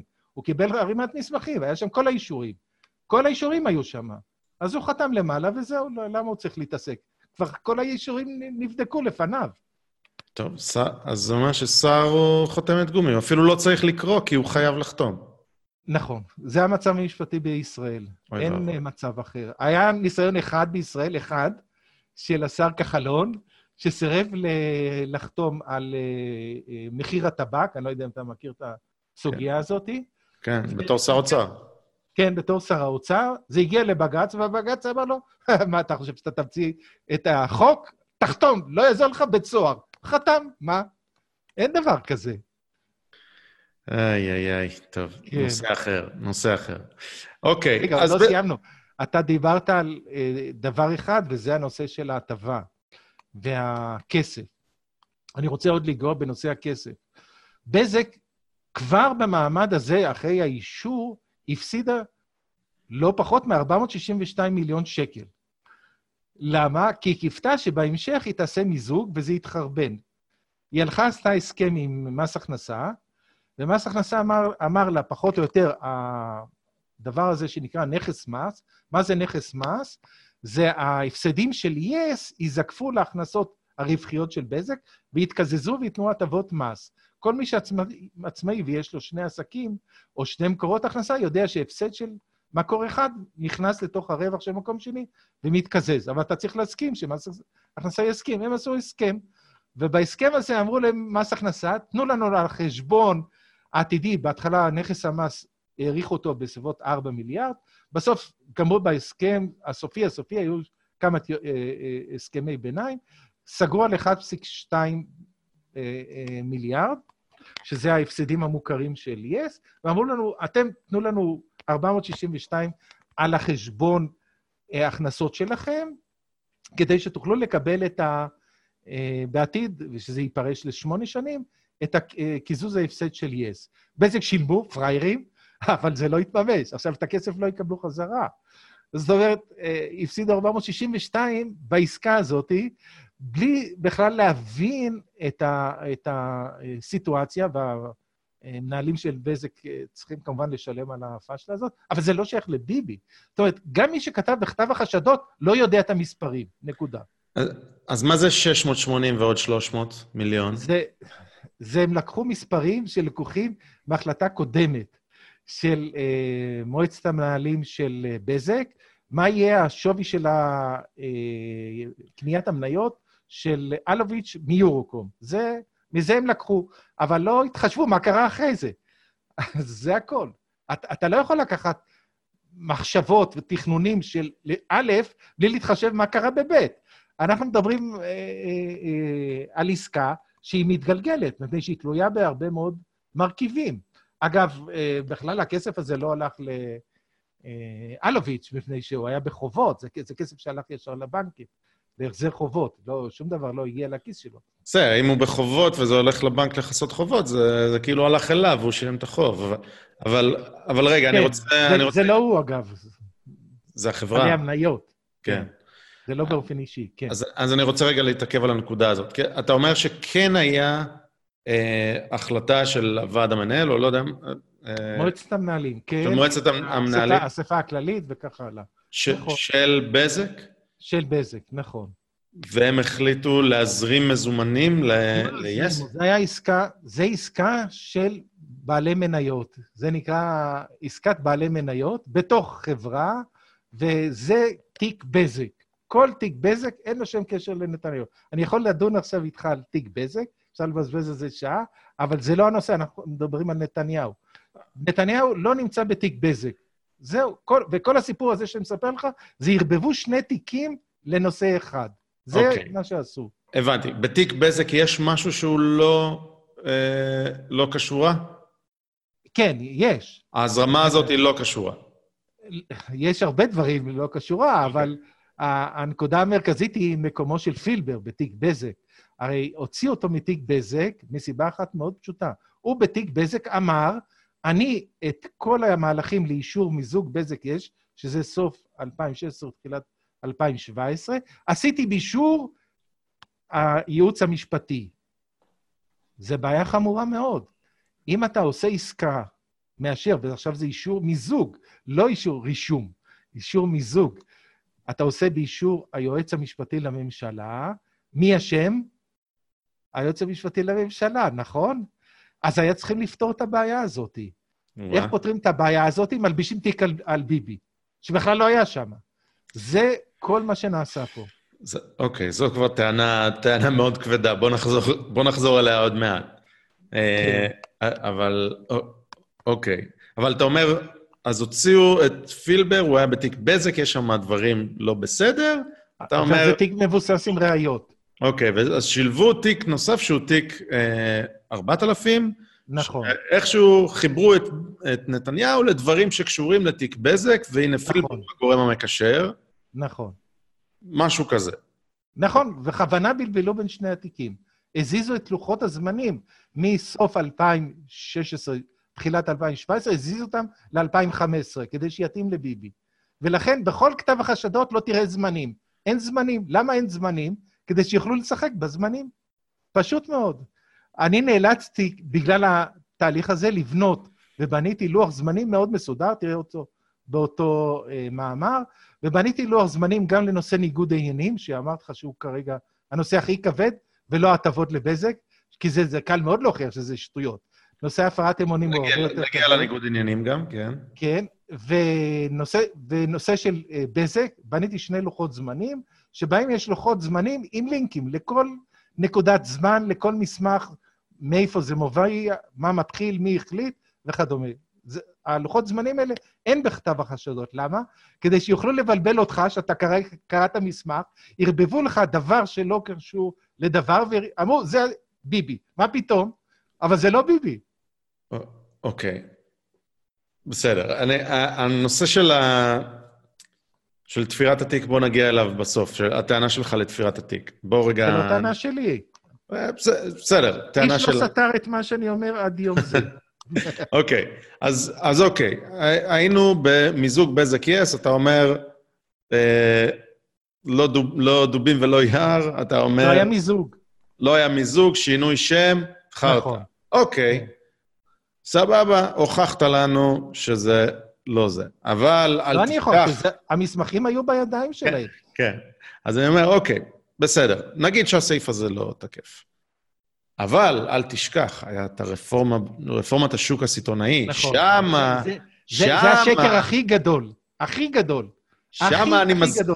שם אני מזכיר... עזוב, אתה, אתה לכאורה, מוזן... רגע, תן לי, תן לי להזכיר. לכאורה, ההטבה שניתנה לבזק, זה הורידו מהם את המגבלות ברפורמה. בוא, בוא, בוא, אשאל, רגע, רגע. הם מאוד לחצו ורצו שיורידו מהם את המגבלות, וזו הטבה מטורפת לבזק. רגע, רגע, רגע, רגע, לאט-לאט. אוקיי. שני דברים אני אשאל אותך. שוק סיטונאי זה בעד בזק או נגד בזק? אה, זה נגד בזק עד כמה שאני מבין. יופי, רגע, תעצור, תעצור, תעצור. אתה מסכים איתי שזה נגד בזק? כן, אבל זה נזק... רגע, רגע, רגע, רגע. הסכמת, נכון? רגע, אבל אני לא רוצה שנתקדם עם דעתי שזה נגד בזק, אני צריך שתסביר למה זה נגד... לא, לא, לא, אבל אני, הקדשתי לזה מאמר שלם. כן, אבל... אנשים לא מבינים ששוק סיטונאי זה נגד בזק. תסביר למה, תסביר למה. מפני שהוא לוקח את התשתיות של בזק ונותן אותה במתנה כמעט למתחרות שלה. אין דבר כזה בשום מקום בעולם, זה הפקעת רכוש פרטי. זה פשוט אז... פירוק מונופול, זה מה שזה, נכון? זו הרפורמה. זה, לא, זה לא רק פירוק מונופול, זה הרס מונופול. זה okay. מה אוקיי. שקרה בסוף. זה okay. אוקיי. הרס מונופול. חד וחלק, זה הרס מונופול. עכשיו, אה, עובדה שבזק התקוממה וצעקה והלכה ארבע בג"צים, הלכו והפסידה בכולם. וזה, ועשו תרגילים מפה עוד עדיין חדשה, וחלק מהם זה, אגב, זה תיק בזק. אנחנו חוזרים לזה. אה, ביבי היה בעד שוק סיטונאי או נגד שוק סיטונאי? מה אתה אומר? בעד. יפה. זאת אומרת, ביבי בעד לפגוע בבזק. זה מה שאתה אומר, לבד. זה גם מה שנאמר בכתב החשדות. לא, לא, לא, לא, בכתב החשדות כתוב הפוך. לא, רגע, עכשיו... בכתב החשדות אומרים שהוא קידם את הרפורמה, ומשרד התקשורת כן קידם את הרפורמה, נכון. אבל, אבל... יופי. איזה הקלות הוא קיבל? איזה הקלות? רגע, בדיוק, אתה המתקת את רוע הגזירה, במקום ש... ש... רגע, רגע, רגע, רגע, עכשיו תגיד לי, אתה מכיר מסמך אחד, אחד, החלטה אחת של ביבי שהוא הקל על בזק בשוק הסיטונאי, החלטה אחת, תראה לי אותה. אין. אין. אין שום החלטה של ביבי שהוא הקל על בזק בשוק הסיטונאי. אחת. אין. מה לעשות? להפך, יש מסמכים הפוכים. באותו זמן שאתה טוען שביבי הקל על בזק, באותו זמן פילבר הטיל על בזק לא פחות משלוש קנסות, שניים מהם מאוד כבדים, מאוד כבדים, מיליון וחצי ושמונה וחצי מיליון. קנסות. והם צעקו, וזה, וזה מה שכופף את בזק להיכנע לשוק הסיטונאי. נקודה. מי שכיפף את בזק לשוק הסיטונאי זה היה פילבר באישור של ביבי. זאת אומרת, ביבי נגד בזק. הפוך ממה שכתוב. אבל המסמכים קיימים, יש אינסוף מסמכים שמראים שזה בדיוק הפוך. אז איך אפשר להגיד שהוא נתן הטבות לבזק כשהוא דפק את בזק? זאת אומרת, אני בכלל לא מצליח להבין את הטענה. שוק סיטונאי זה נגד בזק, ביבי דפק את בזק, בזק נפלה. עכשיו תגיד לי, מה לא... מה, מה פלילי פה? אני לא מבין. ת, תגיד לנו רגע, ת, תאר לנו מה זה, מה זה בזק נפלה. בזק הייתה מונופול מאוד חזק, מה, מה קרה בשנים שלאחר מכן? מה שקרה זה שבזק נאלצה, כתוצאה מהתרגילים האלה של שוק סיטונאי, להפסיד את המכנסיים שלה. את הכל הפסידה. אלוביץ' הפסיד הכל, אפילו הבת נישואים לקחו לו.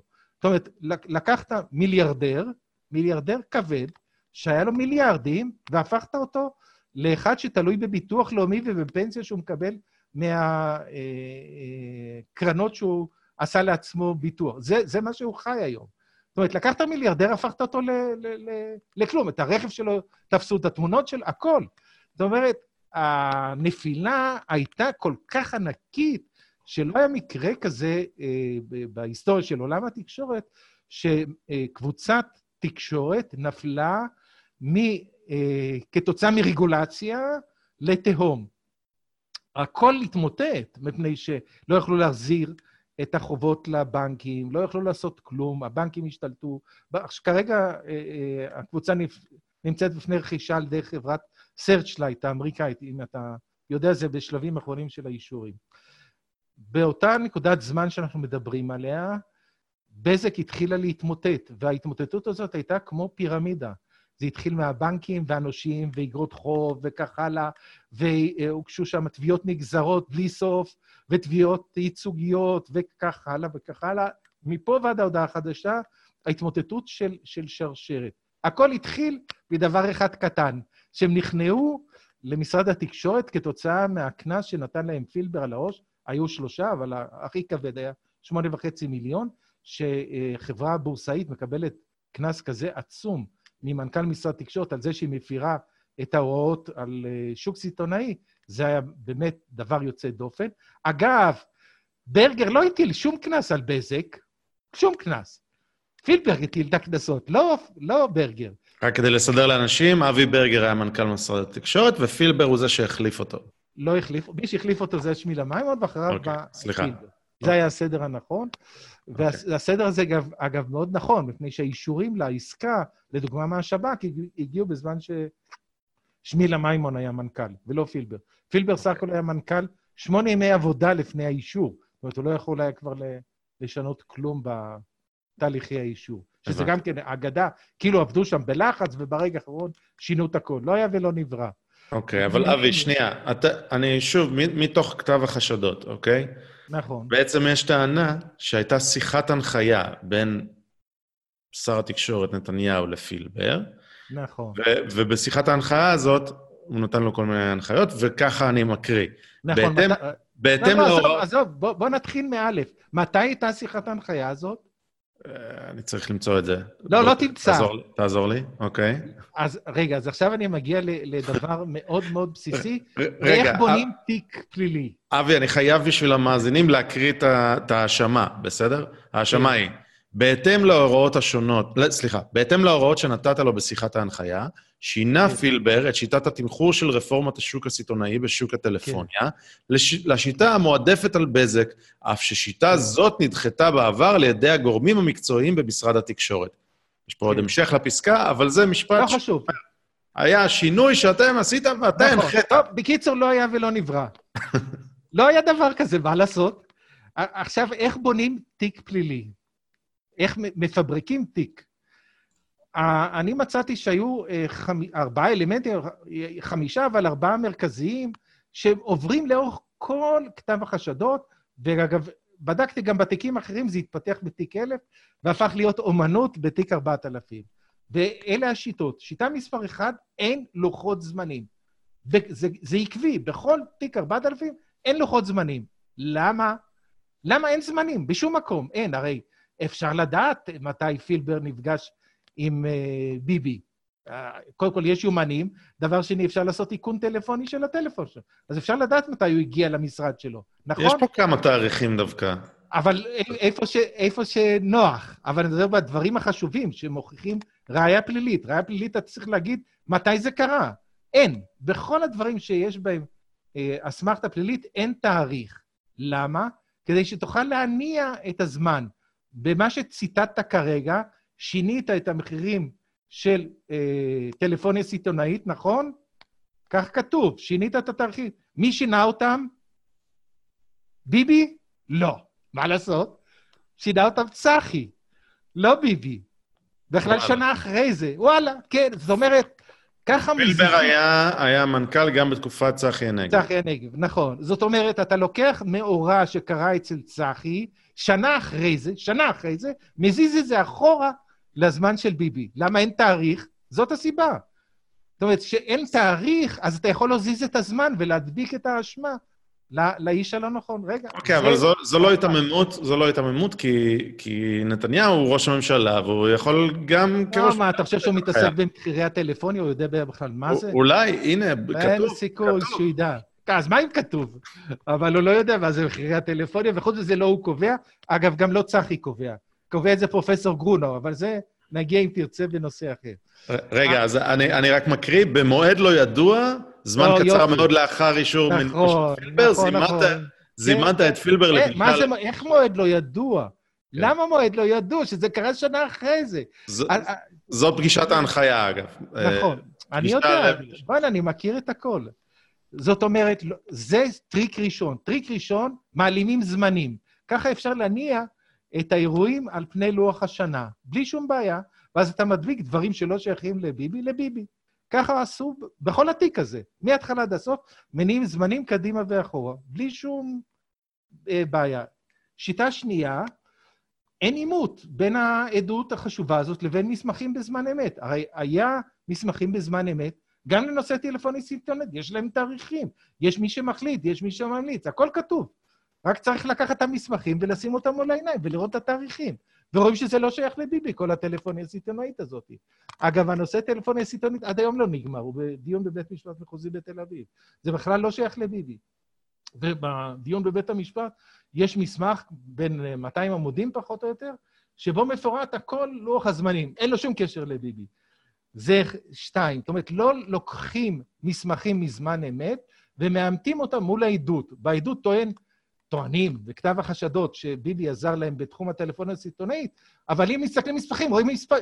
תאריכים, זה לא זה, זה שנה אחרי זה, לא עכשיו. דבר שלישי, אין עימות בין העדות הזאת לעדויות אחרות. הרי אם היו חוקרים אנשים שקשורים לעניין הזה, לדוגמה, אה, בתחום הטלפוניה הסיטונאית, היו הרבה. מי שקבע את המחירים זה בכלל לא ביבי, לא אף אחד, זה פרופסור גרונה. אם חוקרים את גונה, היו יודעים באיזה תאריכים, מי אמר לו, מי זה, איך הוא בדק, איך הוא קבע. הוא, הוא פרופסור באוניברסיטה העברית, בכלל לא מושפע מביבי. לא, כל המומחים לא חקרו אותם, תכף נגיע לסעיף הזה. זה סעיף הנושא של לא עשו עימות בין הדעות. הסעיף האחרון, איך תופרים, לא פנו לאף מומחה בתחום התקשורת כדי לשאול אותו, האם זה הגיוני מה שהבן אדם אומר. בן אדם אומר, קרה א', ב' או ג', האם זה הגיוני מבחינת הרגולציה? האם זה היה בלוחות הזמנים וכדומה? יש כמה אנשים, אמרתי לך, שיש בערך עשרה אנשים, לא רק אני, יש עוד אנשים שמבינים ברגולציה, איך זה התפתח, מי הלך, איפה מוצאים את המסמכים וכך הלאה. לא שאלו אף אחד מהם. זאת אומרת, אתה שם איזו עובדה, כמו שאתה מקריא כרגע, שביבי הוריד את המחירי טלפוניה הסיטונאית, אבל כל מי שמכיר את התחום הזה יודע שלא היה ולא נברא. כי יש מסמכים מזמן אמת. זה קרה שנה אחרי זה. אז איך אתה יכול להזיז את זה אחורה? אז אם היו פונים לאנשים והיו שואלים אותו, אומרים, לא, טלפוניה סיטונית זה לא שייך אליו, לא היה שם. מה לעשות? היה צחי. אז, אז בכלל, זה, זה, זה ממש עצוב. כשאתה מסתכל על זה, אתה רואה, יש את החתימה של צחי על הנושא של טלפוניה סיטונאית, וכל המסמכים, מי אישר, מה עשה, מה, הכל. יש עשרות מסמכים מאחרי זה, עשרות אנשים עבדו בעניין, זה לא דבר סודי שאני מגלה כרגע. אני הייתי שם בזמן אמת, אני כתבתי רק על הטלפוניה הסיטונאית קרוב ל-50 מאמרים. זה לא שכאילו עכשיו צריכים להגיד לי מה זה טלפוניה סיטונאית, זה פשוט אבסורד. רגע, אז, אז, אז גורמי המקצוע לא התנגדו בעצם למתווה שפילבר אה, אישר? בסיפור הזה של צחי? כן, כן התנגדו. כן התנגדו. איש, איש אחד כן התנגד, ולכן הוא התפטר. מי זה האיש הזה? ערן לבאות. אוקיי. אז הוא התנגד, נכון, בסדר, אבל זה היה באופן זמני, הוריד את המחיר, ואחרי זה העלו אותו בחזרה. זה אחד, זה בן אדם אחד מתוך כמה, או שזה הבן אדם הרלוונטי? מתוך 150. לא, לא. יש הרבה אנשים רלוונטיים, והיה אחד כן. שהתנגד. נכון, כן. קודם כל, האיש הכי רלוונטי, הכי הכי רלוונטי, אמרתי לך, יועץ משפטי. בוא נתחיל מאלף. זה עבר ייעוץ משפטי, נקודה. עכשיו כל השאר לא חשוב. זה יועץ משפטי של משרד התקשורת או יועץ משפטי? כן, במקרה הזה משרד תקשורת, כי זה עניין אוקיי. אה, יועץ טכני. משפטי משרדי, כן, אוקיי. כן, נכון. הוא נציגו של היועץ המשפטי לממשלה. אתה יודע שהיועץ כן, המשפטי כן. של המשרד ממונה על ידי היועץ המשפטי, הוא לא, לא השר ממנה אותו. כן, היה כן. ניסיון לשנות את השיטה, אבל לא השר ממנה. אה, זה נושא כן. קרוב לליבי. נכון. אוקיי. אה, אוקיי. זאת אומרת, הקראת משפט שהוא לא נכון בבסיסו. למה הוא לא נכון? כי לא עשו את הדברים הבסיסיים. אחד, לאמת מול מומחים, שתיים, לאמת מול עדים, שלוש, לאמת מול מסמכים. דבר אחרון, זה לשים את הלוח הזמנים הנכון של האירוע. אם תשים את הכל נכון, תראה שזה, שזה אין תיק, פשוט מאוד. אוקיי.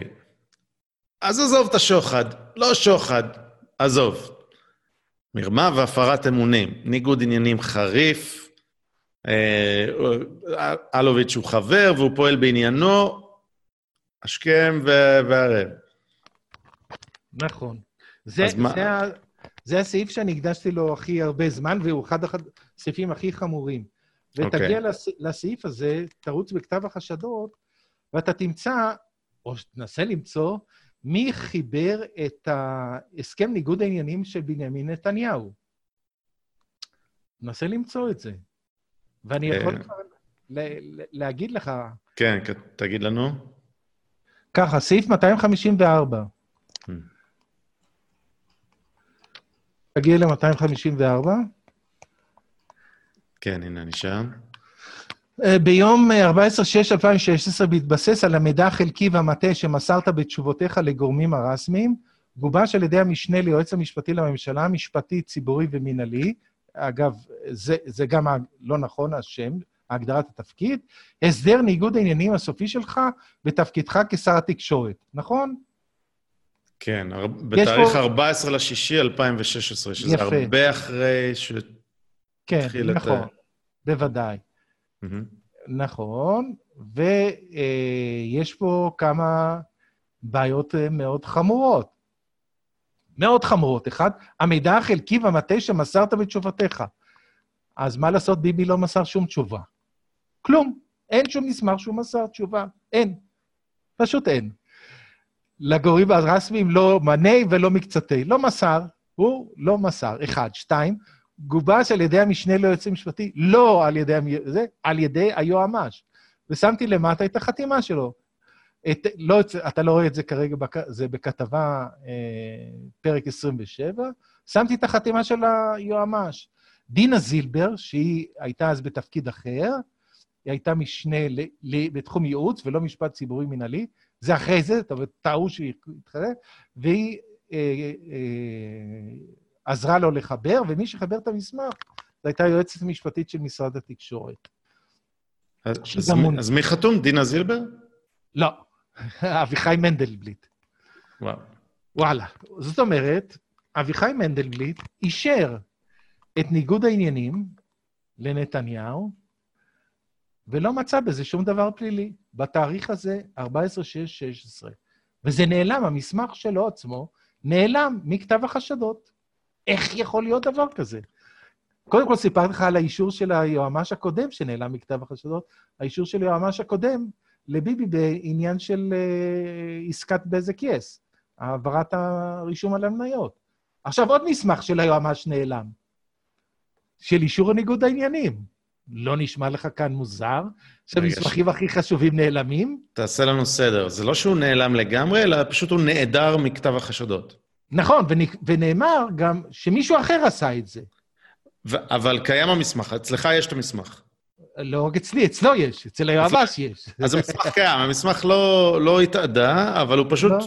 התעלמו ממנו. נכון. עכשיו, לא סתם שהתעלמו ממנו. למה? כי יש חוק. והחוק אומר שהיועמ"ש קובע לראש הממשלה את ניגודי העניינים, רק הוא. ככה כתוב בחוק, לא אני קבעתי זה. זה... אגב, זה לא חוק שעשו בשביל נתניהו, זה חוק שקיים מאז ומתמיד. זאת אומרת, בזמן אמת, שהיה צורך לקבל החלטה לגבי ניגוד עניינים, בנקודת הזמן הזה כבר היה ידוע הכל. למה? כי הארץ עשה תחקיר, וחברי הכנסת, וזה, וגם כתוב, במסמך של אה, מנדלבליט, כתוב, שני המשפטים הראשונים מוקדשים לחומרים שהוא קיבל מכל מיני גופים, והיה גם בג"צים, ולא חשוב כרגע, שטוענים שנתניהו מושחת, ווואלה, וזה, כל הסיפורים היו ידועים, שהוא קיבל את ההחלטה, יש עליה תאריך. והוא בדק את הכל והחליט שזה לא פלילי. איך זה פתאום השתנה? זו החלטה שלו. איך, איך זה השתנה? רגע. הוא כותב שזה על, על בסיס מידע חלקי ומטעה. אתה אומר שהוא... קודם כל, ביבי לא נתן שום לא... מידע. רגע, שני סעיפים לפני זה, סעיף 252, כן. במסגרת תהליך גיבוש הסדר ניגוד עניינים, אה, העביר בא כוחך, שמרון. אה, נכון, בא כוחך, שמרון, נכון? כן. אוקיי, כן. אה, הוא הביא חוות דעת על חוות דעת משפטית בניגוד עניינים של השר הדן בנושא הנוגע למכר. כן, נכון. אז זה ביבי? לא. זה בא כוחו. בא כוחו, נכון, אבל צריך, אבל צריך לראות מה כתוב בבא כוח, מה כתוב במסמך. לא ביבי עשה. שומרון כתב מה שכתב, וזהו. אבל זה היה בנושא אחר. עכשיו, ככה זה השיטה, שאין תאריכים, ומזיזים דברים, ומערבבים אותם, ואז מייחסים אותם לביבי. הסבר לך את השיטה. כי אם היו לוקחים בזמן אמת, בודקים. עכשיו, שנה אחרי זה, מבקר המדינה, שממש לא אהב את ביבי, הפעיל צוות של מעל 20 איש, שבדקו את מה שכתב היועץ המשפטי לממשלה וכל מה שהצטבר במשך השנה, ובדקו את זה שוב. והוא הכין דוח, דוח מאוד ארוך, על ניגוד העניינים של נתניהו. ושוב פעם, בדקו מול משרד המשפטים את הכל, מאפס. הכל. שנה אחרי זה, מבקר המדינה עם כל האנשים שלו, 25 איש ישבו על זה שנה וחודש, והוציא דוח. הדוח קיים. מה כתוב בדוח? כלום. כתוב שצריך לתקן איזה תת-סעיף א', תת-סעיף ב', אגב, לא תיקנו אותם, בנושא של נוהל ניגוד עניינים, זה נקרא נוהל ועדת אשר. ובקיצור אמרו, תקנו את הנוהל וזה הכל, הכל בסדר. אגב, זה כתוב, משרד המשפטים בדק וקבע, הכל בסדר, בניגוד אה. עניינים. אין ניגוד עניינים. אז... זאת אומרת, שני גופים בלתי תלויים זה בזה, היועץ המשפטי לממשלה ומבקר המדינה, ישבו העניין הזה בהפרש של שנה, זה מזה, בדקו את כל המסמכים, הכל, מאות מסמכים, בסוף אמרו, נאדה, אין כלום. עכשיו, איך זה נהיה פתאום פלילי? אחרי שהשניים האלה קבעו שלא? אתה יכול להסביר לי? אני לא יכול להסביר, ויותר מזה, אני, אני לא יכול. פה... קוראים לזה תפירת תיק, זה הכל. אני רואה פה אה, ש... בדיוק מה שאתה אומר, סעיף 253, כתוב, בשביעי ל-11, 2016, הוגשה תגובה מטעמך, בלה בלה בלה, והסתרת דברים על אלוביץ', והסעיף אחרי זה, בהתבסס על המידע החלקי והמטעה, אה, אז היועץ המשפטי אישר. אבל זה בתאריך, בתאריך 14 לשישי. לא כתוב שהוא אישר, היועץ לא, המשפטי. לא, רגע, זה בתאריך 14 לשישי, יש פה ממש הטעיה. סעיף לפני זה זה נובמבר, ואז בהתבסס על המידע שהגשת בנובמבר, ביוני, לפני זה, אישרנו אותם. יפה ממש... מאוד, אתה, אתה, אתה רואה לבד, הם אפילו לא שמו לב ש, שהם משקרים תוך כדי כתיבה. זה לא יאומן. במקום שהם שמו תאריכים, הם נפלו. למה? כי כשאתה שמים תאריכים, אתה רואה שאתה משקר. אז הכתב החשדות הזה בנוי מההתחלה עד הסוף מאוסף של שקרים רציפים. לא מצאתי סעיף אחד. אחד. עברתי על כל הסעיפים, אחד שהוא נכון, אחד. אוקיי. ועל כל ש... אחד יש לי מסמכים סותרים ועדים סותרים, על כל אחד. אגב, הדבר היחיד הנכון שם זה שמו של החותם, דוקטור אביחי מנדלבליט, זה מה שנכון. אוקיי, עכשיו, אמרת שיש פה משהו שמתקשר לתיק אלף שאתה גם עסקת בו. כן, בתיק אלף, שזה מתנות שמילצ'ן נתן לביבי וככה וככה, לא חשוב כרגע מה המתנות, יש שם פתאום מוסיף שנכנס לתקשורת, כתוב שם שמילצ'ן, שהיה מעורב גם בהשקעות בתחום התקשורת, קיבל סיוע מביבי לעסקאות שהוא רצה לעשות עם ערוץ 2 וערוץ 10. כן. ככה כתוב, ומה כתוב? אתה אה, פנית לפילבר ואמרת לו שתעזור למילצ'ן, ופילבר אמר לו, אין לך מה לדאוג, זה אני מטפל והכל יהיה בסדר. ככה כתוב. זה מופיע בכתב החשדות, אם תרוץ, אתה תמצא את זה. כן, אני זוכר. יש רק בעיה אחת בכל העניין הזה, שפילבר יכול להגיש תה למועצת הרשות השנייה, שם, אם ייתנו לו להיכנס, להגיש תה, וזו ההשפעה היחידה שיכול. הוא יכול להחליט אם יש שם סוכר או סוכרזית. אין לו שום קשר לעניין, שום קשר. אז למה שביבי יפנה לפילבר כדי לעזור בתחום הטלוויזיה של ערוץ 2 וערוץ 10 שייך, שייך לרשות השנייה? הרשות השנייה זה לא פילבר, לא נוגע אליו בכלל, אין לו שום, שום סמכות, או אפילו אמרתי לך, להחליט על סוג הסוכר שיהיה בתה שלהם, הוא לא יכול להחליט. ומי שהיה צריך לפנות זה ליושב ראש הרשות השנייה, ול, או לאנשים שמונו ברשות השנייה, או על המנכ"ל של הרשות השנייה, אבל למה שיפנה למנכ"ל משרד תקשורת שלא קשור לעניין? זאת אומרת, לקחו פה סיפור הזוי לחלוטין, כאילו הוא הבטיח הטבה תמורת המתנות למילצ'ן, בזמן שזה לא יכול להיות מבחינה מעשית. מבחינה מעשית, פילבר אין לו סמכויות להתעסק בערוץ 10 ובערוץ 2, נקודה. זה הרשות השנייה, זה חוק אחר, זה סמכויות אחרות, אנשים אחרים, בכלל, לא, לא נוגע בכלל אליו. אז איך הוא יכול להבטיח לו, פילבר, שהכל יהיה בסדר, שזה לא הוא? זה, זה, זה הרי גם מילצ'ן לא טיפש. מילצ'ן הרי יודע שהוא מגיש בקשות לרשות השנייה, ולא לפילבר, ולא למשרד תקשורת. הרי, הרי הצד השני גם לא נולד אתמול.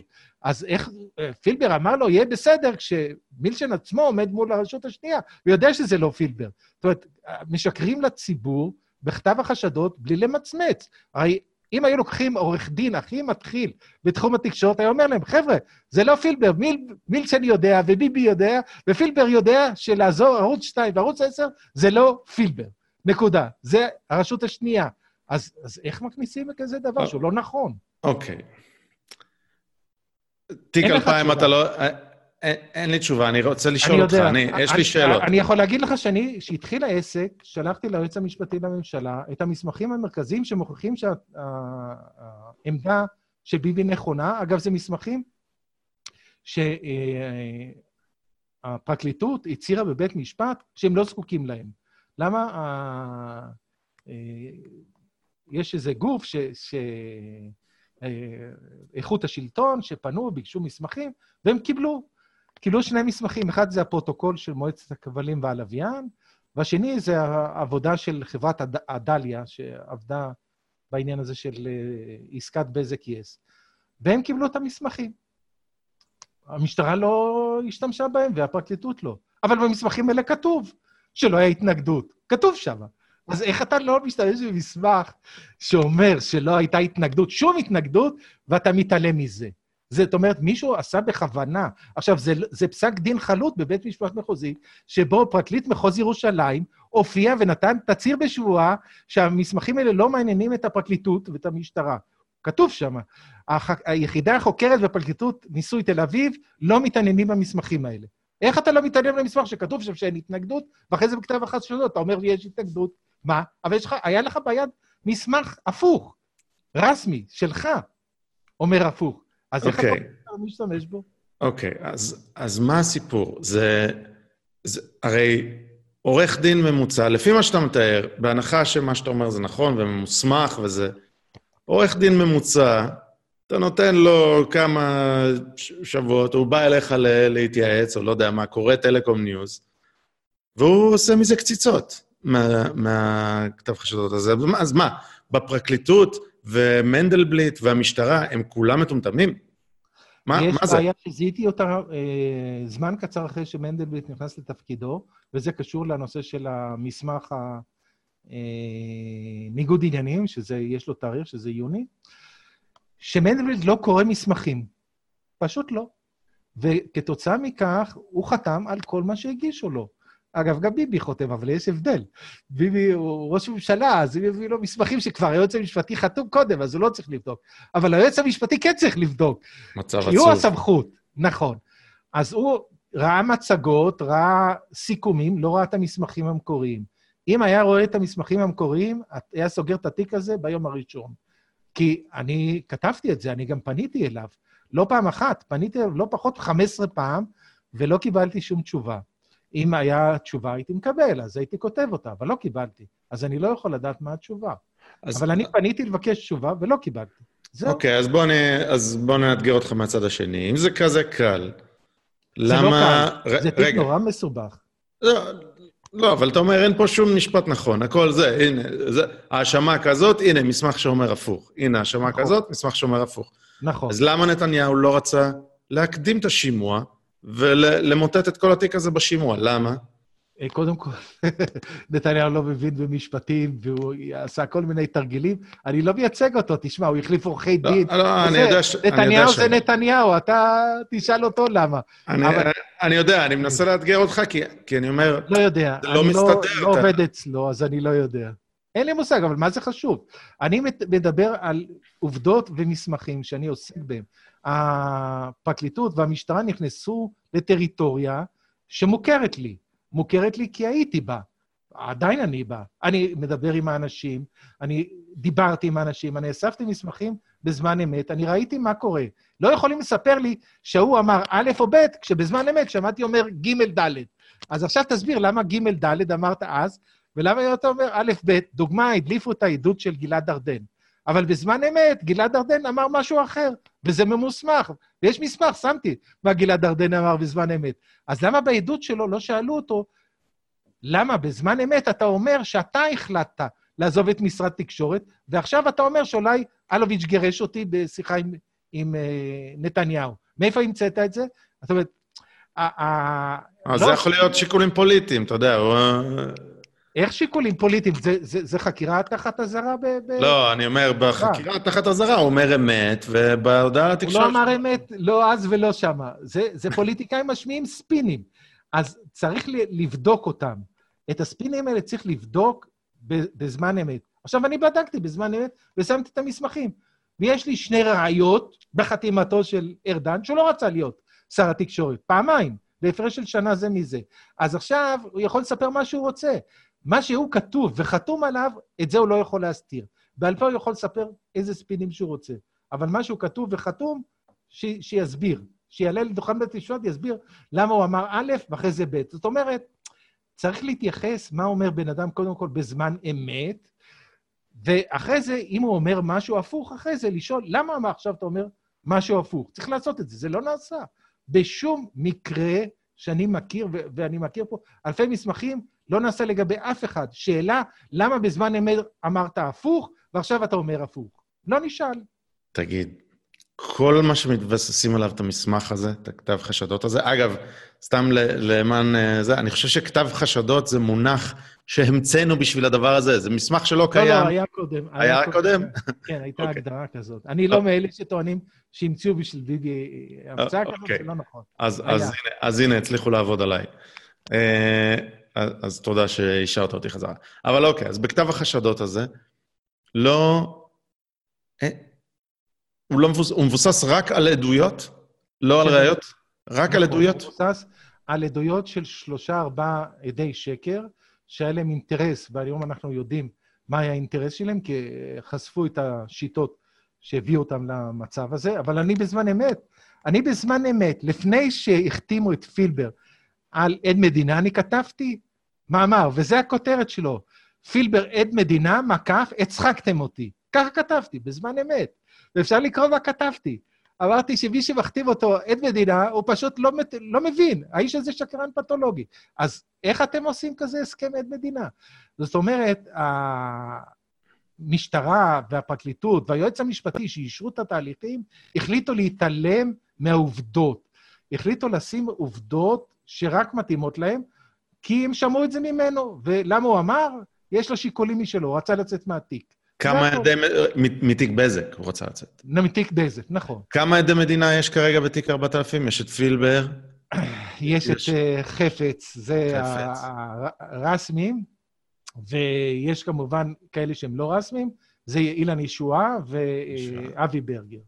זה אבי הלא רשמיים. כן. אוקיי. עכשיו, אה, אגב, גם כמות עדי המדינה היא גם איזושהי רמז לזה ש...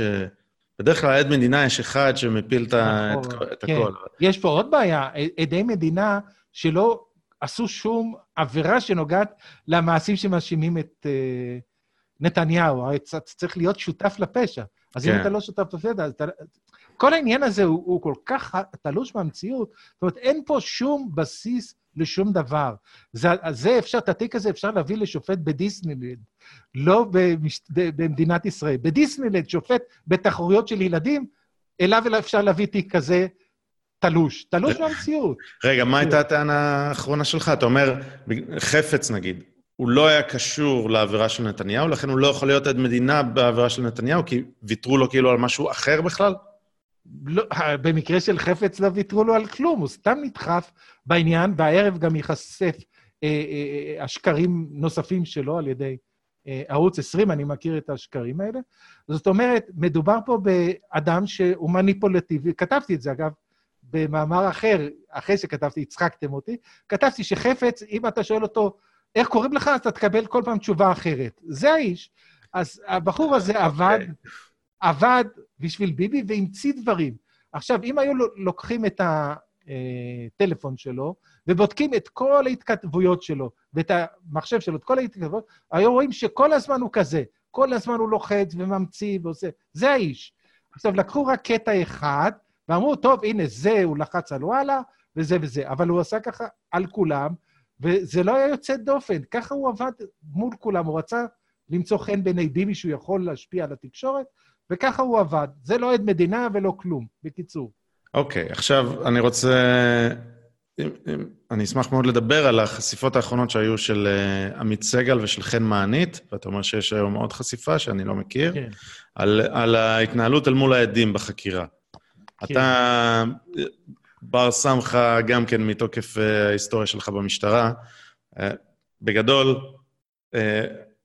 אני רק רוצה להגיד מנקודת מבטי בתור מישהו שממש לא מומחה.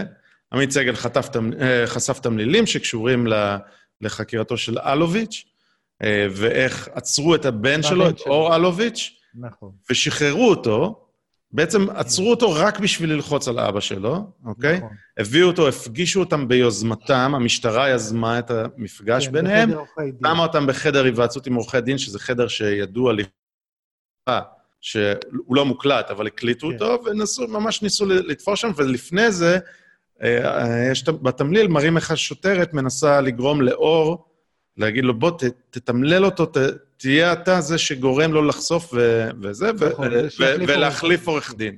שלהחליף נכון. עורך דין זה לא... זה מחוץ לתחום למשטרה. המשטרה לא נכון. יכולה ללחוץ על חשוד להחליף עורך דין. זה. ממש זכויות בסיסיות. נכון. במקביל, חן, או כמה ימים אחר כך, חן מענית פרסם שעשו אפילו לחץ דומה על חפץ, להחליף את העורך דין שלו, שהוא היה עם עורך דין ש... אינו מוכן לייצג עדי מדינה, שכחתי את כן. שמו, ולחצו עליו להחליף אה, את העורך דין, אמרו, המשילו את זה לרופא, אמרו, יכול להיות לך רופא שיהרוג אותך, אולי כדאי שתחליף כן. רופא. נכון. ואז הוא החליף, ושבוע או שבועיים אחרי זה הוא חתם על אה, הסכם עד מדינה. ועכשיו, אני, עוד, עוד אמירה אחת שלי, ואז אתה תתייחס לזה בתור מי שבאמת מהמקצוע של חקירות. ברגע שעמית סגל פרסם את זה ביום שישי, הייתה כמעט דממה. כן. אוקיי? היה כמה אה, עיתונאים שעשו לזה פולו-אפ, אבל שבת כלום, ראשון כלום, שני, שני כלום, שלישי. נכון. הודעה של היועץ המשפטי לממשלה, אביחי מנדלבליט. שהכל בסדר. שהכל בסדר, ואז כן. בתגובה עמית סגל הוציא את התמליל המלא, אני קראתי את התמליל המלא, והוא יהיה פה בלינקים. כן. לא יכול להיות שמנדלבליט כותב שהכל בסדר. לא יכול להיות. בוודאי. אבל, אבל זה, מה זה, זה רצ... בדיוק הבעיה שאני אמרתי. אבל מה שאני רציתי להגיד, זה שרק כשמנדלבליט מגיב אחרי ארבעה ימים, פתאום כותר, כל הכותרות הראשיות, הכל בזה, בעצם הכל בסדר, הכל בסדר, הכל בסדר, הכל נכון. בסדר. אז אני אומר, די, נו, למה, למה כל כך שקוף? למה אתם כל כך שקופים? נכון. אבל בואו בוא נתייחס לגופו של עניין. מה אתה אומר על ההתנהלות הזאת אל מול החשודים?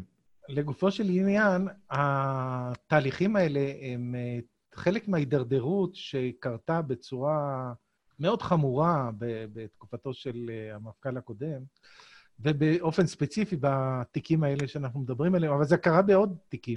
אה, היו כמה תיקים, למשל בנושא של חשד לשוחד של פואד בן אליעזר, זיכרונו לברכה, שעשו גם תרגילים כאלה. זאת אומרת, זה לא היה דבר יוצא דופן.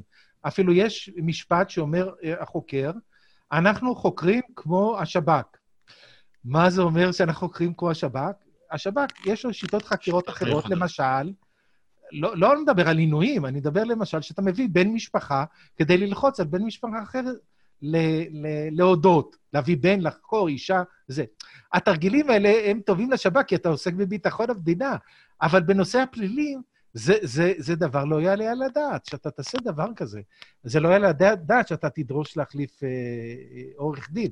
זאת אומרת, לקחו אה, תפיסות עולם ש, שמתאימות לשב"כ באמת במלחמה במחבלים, באמת שם הגבולות, אה, לפעמים צריך לטשטש אותם כדי להגיע לאמת ולהציל חיי אדם, ואתה עוסק בזה בתחום אין פה חיי אדם או משהו כל כך חשוב. אז מה יש פה? יש פה רצון להפיל את נתניהו מכיסו. בשביל הרצון הזה לוקחים שיטות שאסור להשתמש בהן ומשתמשים בהן בחקירה. זה כמובן, אה, ברור, אמרתי לך, ששופט בדיסנלנד יקבל את זה. שופט במדינת ישראל יפסול את העדויות האלה. זה הרי ברור כשמש. אז למה אה, זה קרה?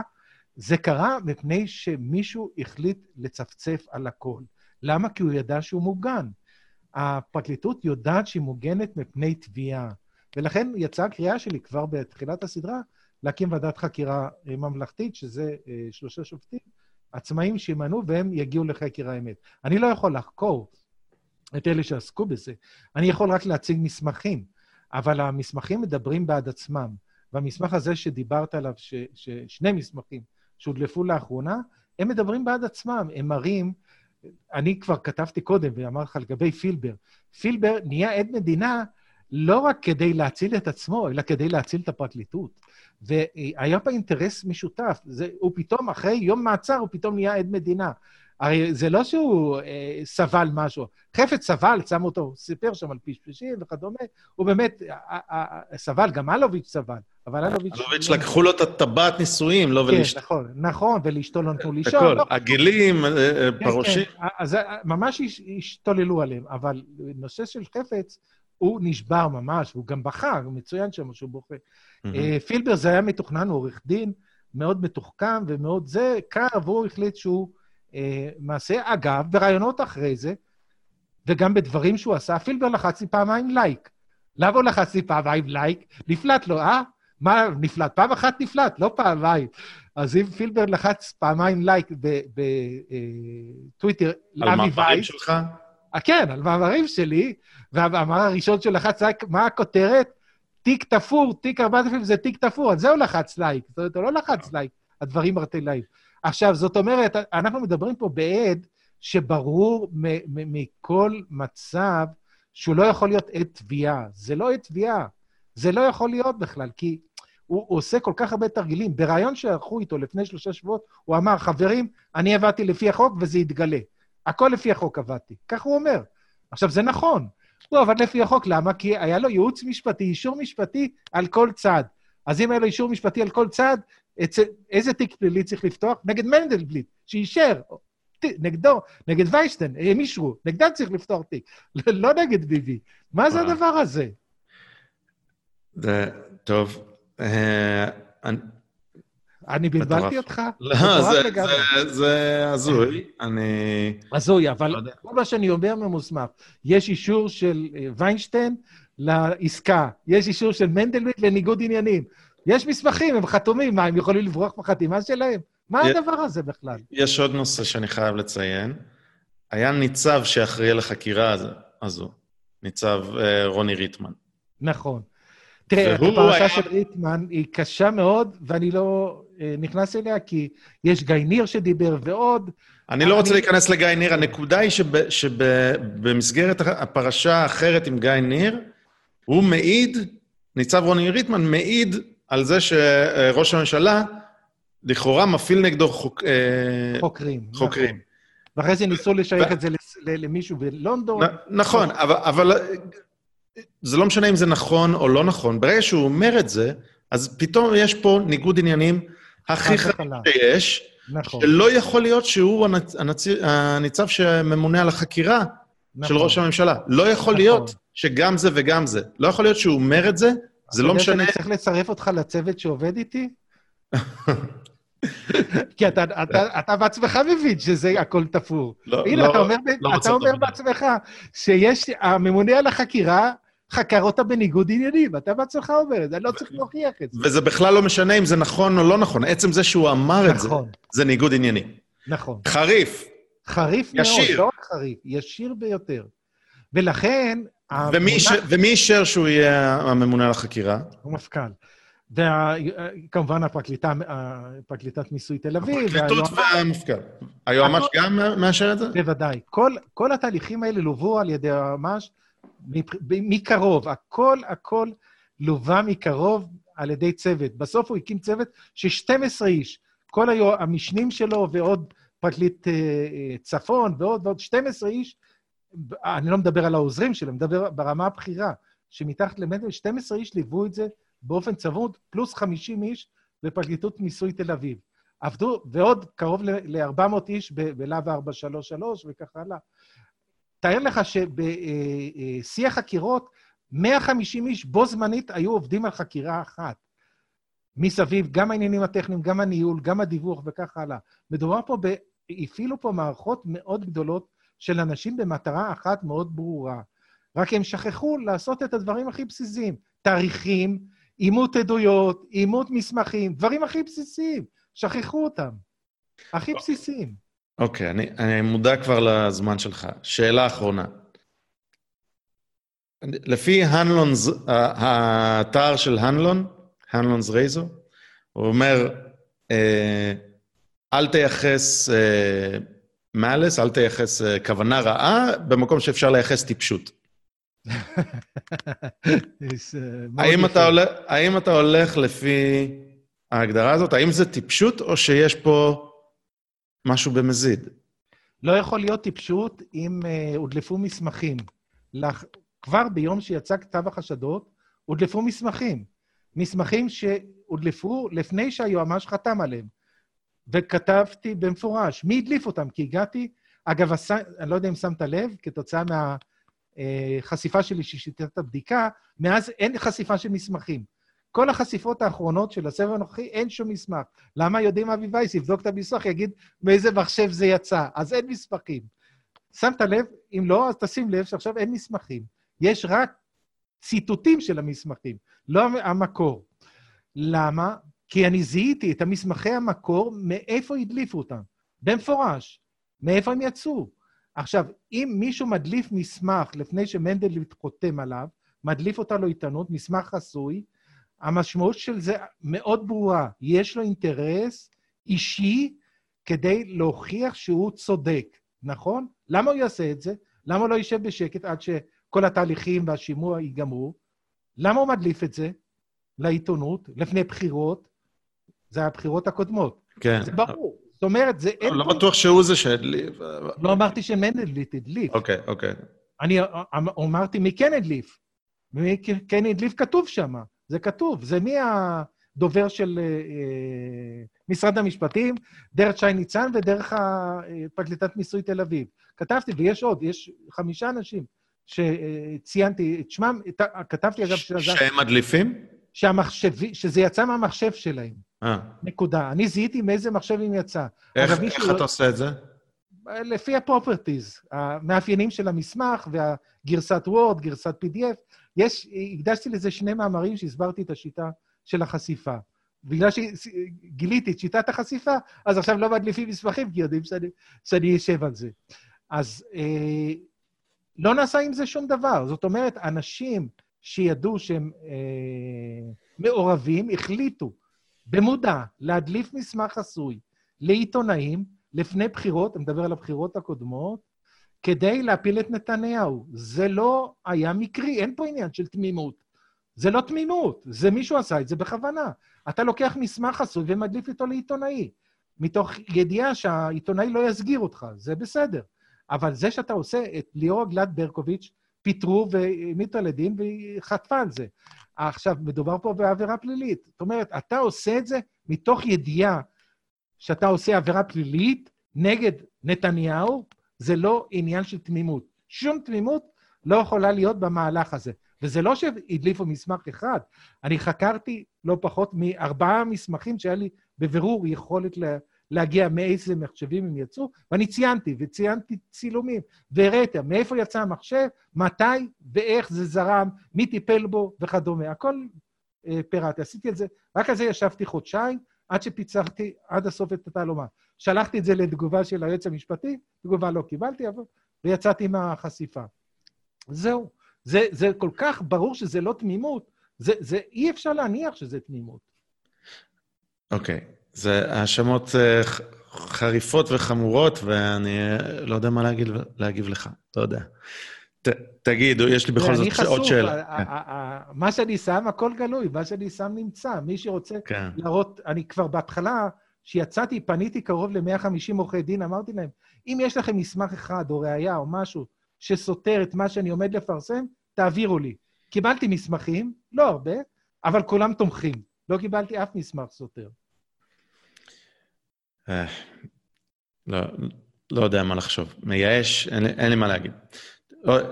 עוד שאלה אחת אליך בכל זאת. אתה, אני שמעתי אותך אצל אה, אראל סגל האגדה, אבל חוץ מזה, מתעלמים ממך? כן.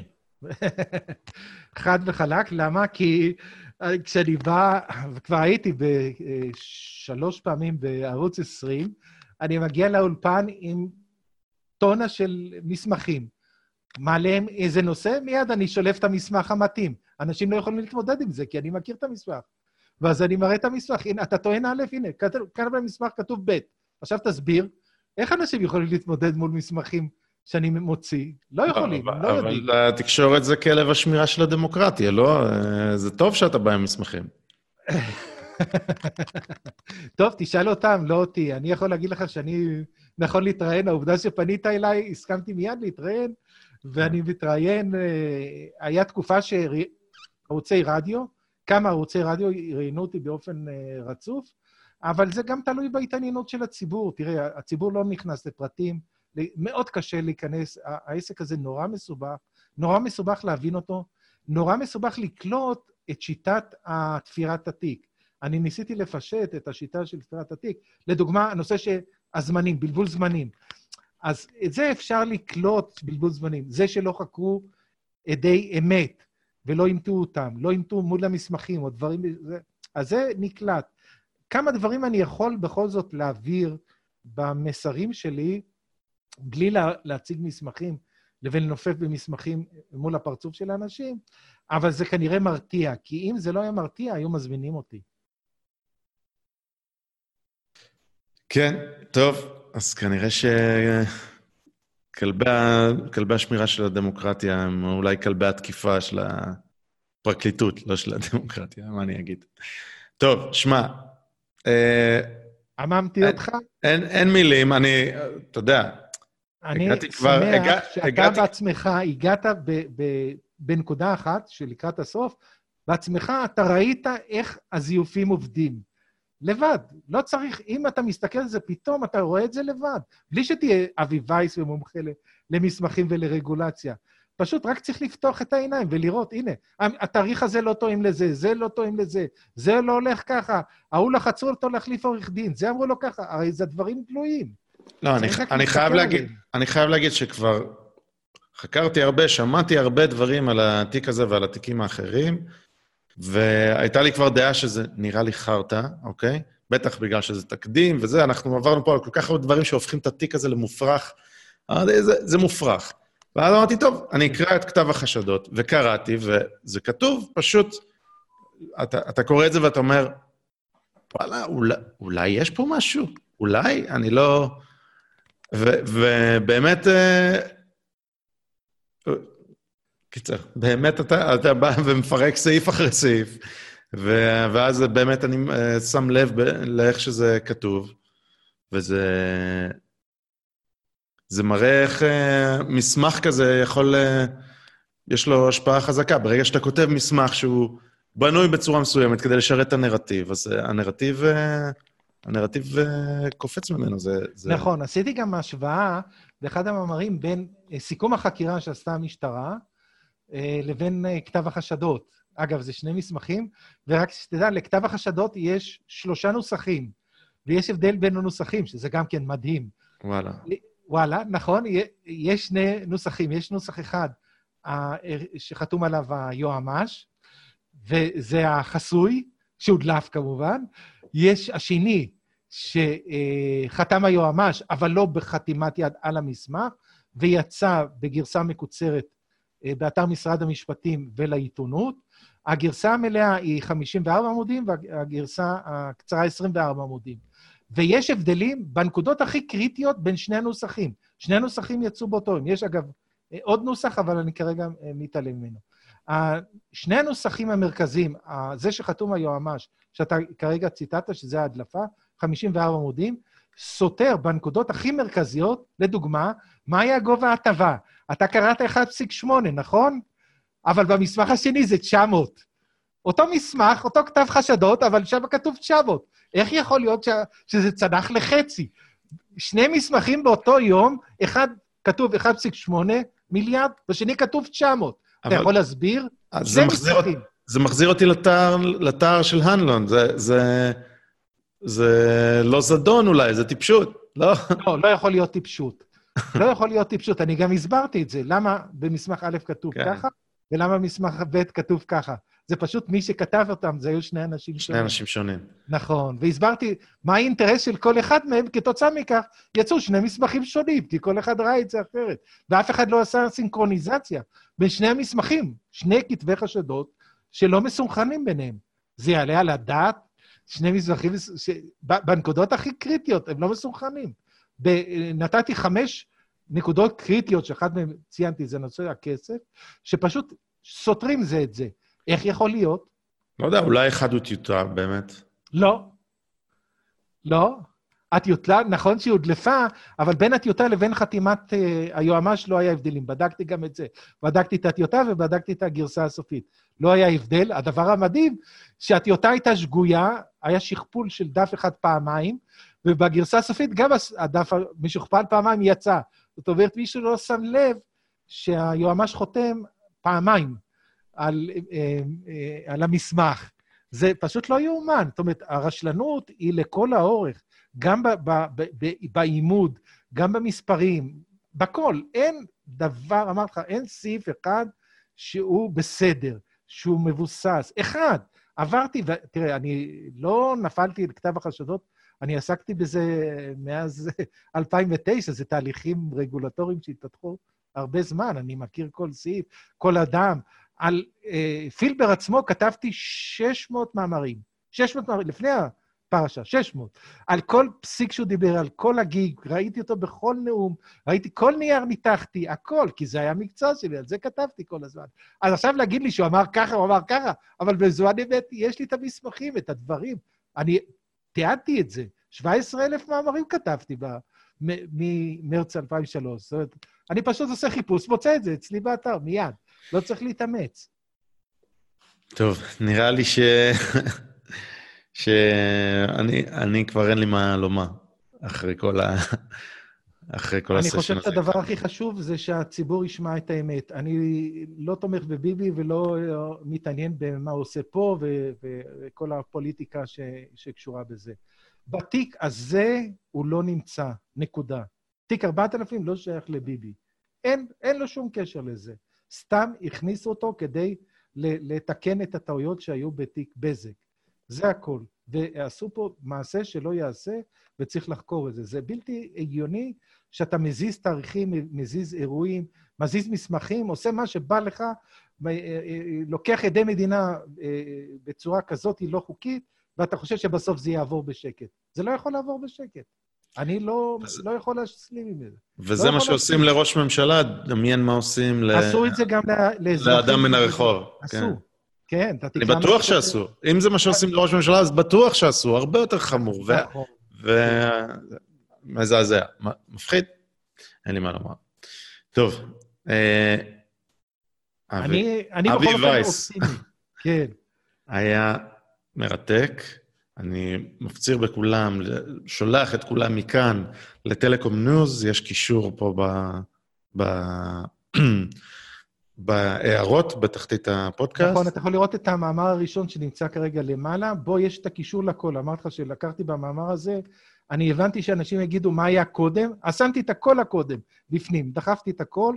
בקיצור, הכל נמצא שם, זה מדובר ב, בעשרות רבות של מאמרים שמאחוריהם יש מאות מסמכים. בכל מאמר, סך הכל זה אלפי פריטים. גם במאמר עצמו, הזה, יש מאות פריטים, כך שזה כבד, אבל מי שעושה מילת חיפוש, אתה רוצה לחפש מילת חיפוש, לא יודע, ברגר, תמצא ברגר. אתה רוצה לבאות, תמצא לבאות. חפץ, חפץ. זאת אומרת, אפשר בכלי חיפוש להגיע לכל המסמכים, והכול גלוי. יפה, ואיך אנשים יכולים עוד לעקוב אחריך או למצוא אותך חוץ מבטלקום ניוז? אני פונה לאוכלוסייה שמכירה אותי, אמרתי לך, כבר הרבה מאוד שנים, הם לא צריכים לחפש אותי, הם אחריי. לא, אבל מישהו עכשיו שומע את זה, רוצה לפנות אליך. מריץ Telecom News ואבי וייס, אני גלוי, אגב. אתה אני... גם בטוויטר, אתה נמצא בעוד פלטפורמות? בטוויטר, בפייסבוק, כן, כמובן. ואני פעיל ברשתות החברתיות, ויש לי דף בית והכול. אני נמצא בכל, ואנשים פונים אליי כל הזמן, ואני פתוח לשיחה ולתשובות, ואנשים לפעמים שואלים שאלות, ואנשים גם לפעמים כותבים לי דברים לא יפים, אבל אני לא מתרגש מהם. ובסדר, שיהיו בריאים כולם. אני, לכל אחד שמקלל אותו, אני אומר לו, העיקר שתהיה בריא. תדע לך, שנאת חינם היא פוגעת בבריאות, כך אני אומר לאנשים. זהו. אני מחייך ו- ו- וצוחק להם בפרצוף. יפה, זאת הגישה.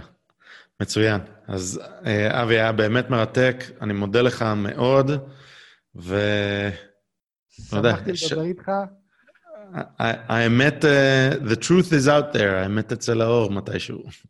נכון, זה תהליך. אני, אחד הדברים שהערכתי זה שאם uh, תהיה התעקשות uh, שהתחילה כמובן מזמן, שחייבים להגיש כתב אישום נגד נתניהו, זה בין חמש לעשר שנים. זה הטווח הזמן. זה כן. כל כך מסובך, שזה לא ייגמר מהר. ממש לא. כן. טוב, אה, נראה מה יהיה, נראה מה הימים יגידו. טוב, שוב, תודה רבה. תודה אה, לך ותודה לכל המאזינים. אחלה. עד כאן. שלום, שלום, ביי ביי. ביי. Time to play the game!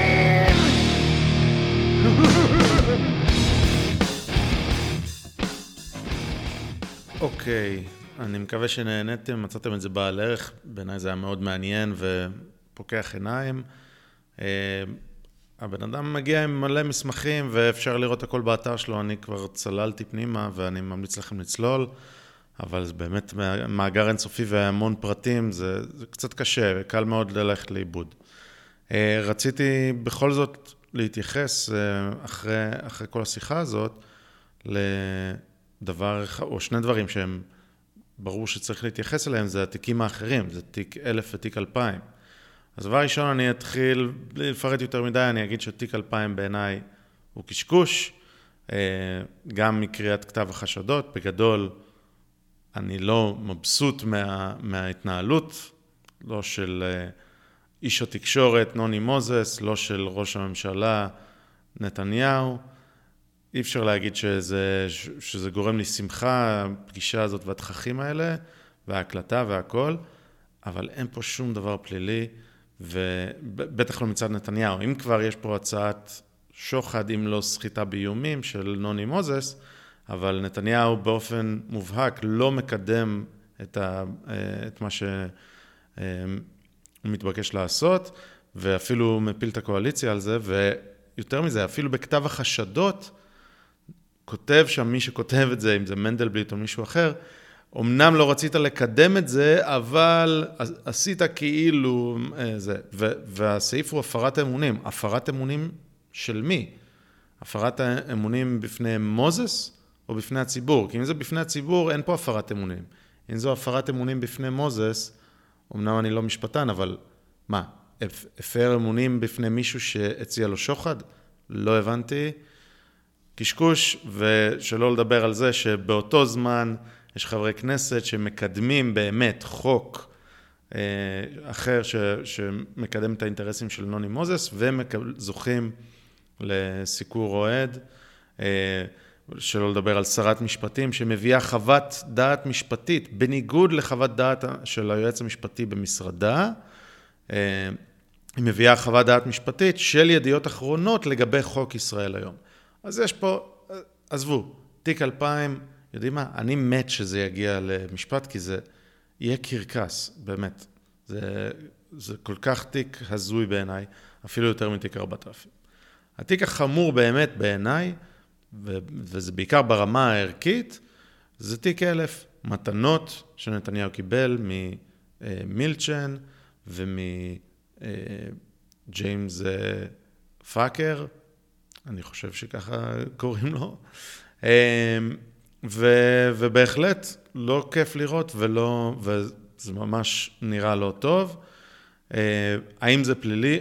אני לא יודע, זה בהחלט מסריח, זה בהחלט משהו שגורם לי סלידה רבה. לא יודע אם זה פלילי, וזה מומחים משפטיים אה, ישפטו.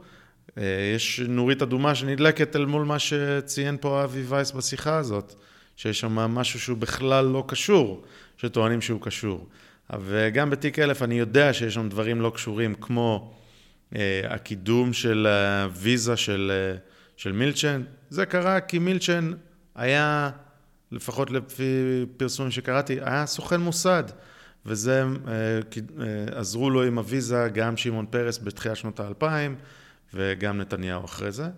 אה, והיה עוד דבר אחד שקשור להטבות מס שמקבלים תושבים חוזרים, וזה, התעסקו בזה גם נתניהו וגם לפיד, וגם ללפיד יש ניגוד עניינים חריף עם מילצ'ן, מילצ'ן הקים לו את המפלגה, בגדול מימן לו את המפלגה, יש תיעוד של זה, יש הכל.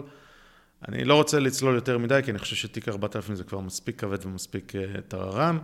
אם יהיו פידבקים, אפשר לעשות uh, תוכנית נוספת על תיקי 1000-2000, ויודעים מה, גם על תיק הצוללות, שגם עליו דיברנו קצת באחד הפרקים סביב הבחירות uh, 2019 מועד א', שגם הוא בעיניי, אל, אל מול כל המידע שפורסם, וגם שם יש מסמכים שפרסמה איילה חסון, מדובר בשום דבר.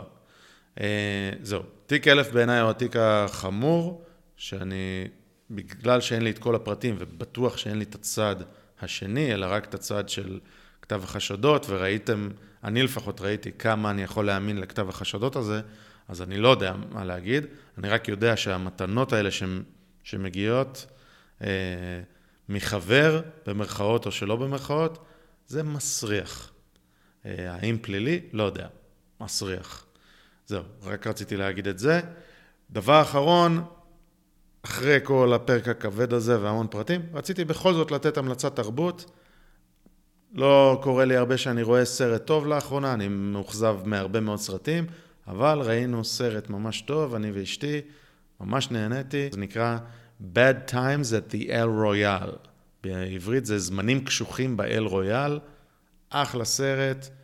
ג'ף ברידג'ס מככב עם עוד כל מיני שחקנים, קריס המסוורט אה, אדיר שם, וזה. אה, הסרט עשוי מגניב, מצולם מגניב, הסיפור מגניב, הקצב שלו מגניב, מוזיקה טובה, יופי, יופי של סרט לראות. יש קישור לטריילר. אה, זהו, תודה שהצטרפתם. שתפו, שתפו למי שאתם רוצים, ספרו עלינו, זה עוזר לנו. תודה רבה. להתראות וחג דמוקרטיה שמח. תבחרו למי שאתם רוצים, רק תבחרו, תשתתפו בתהליך הזה. קיבלתם זכות שלהרבה אנשים בעולם אין אותה, תודה רבה.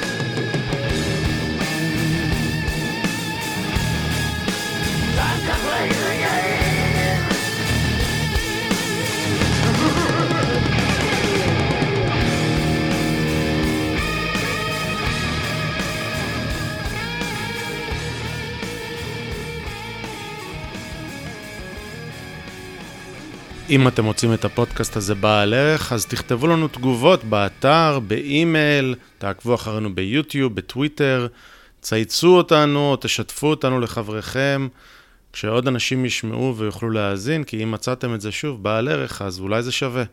כל אינטראקציה שלכם עם התוכן הזה רק תעזור לנו. אז uh, מודים לכם מראש ותודה רבה שהאזנתם. להתראות.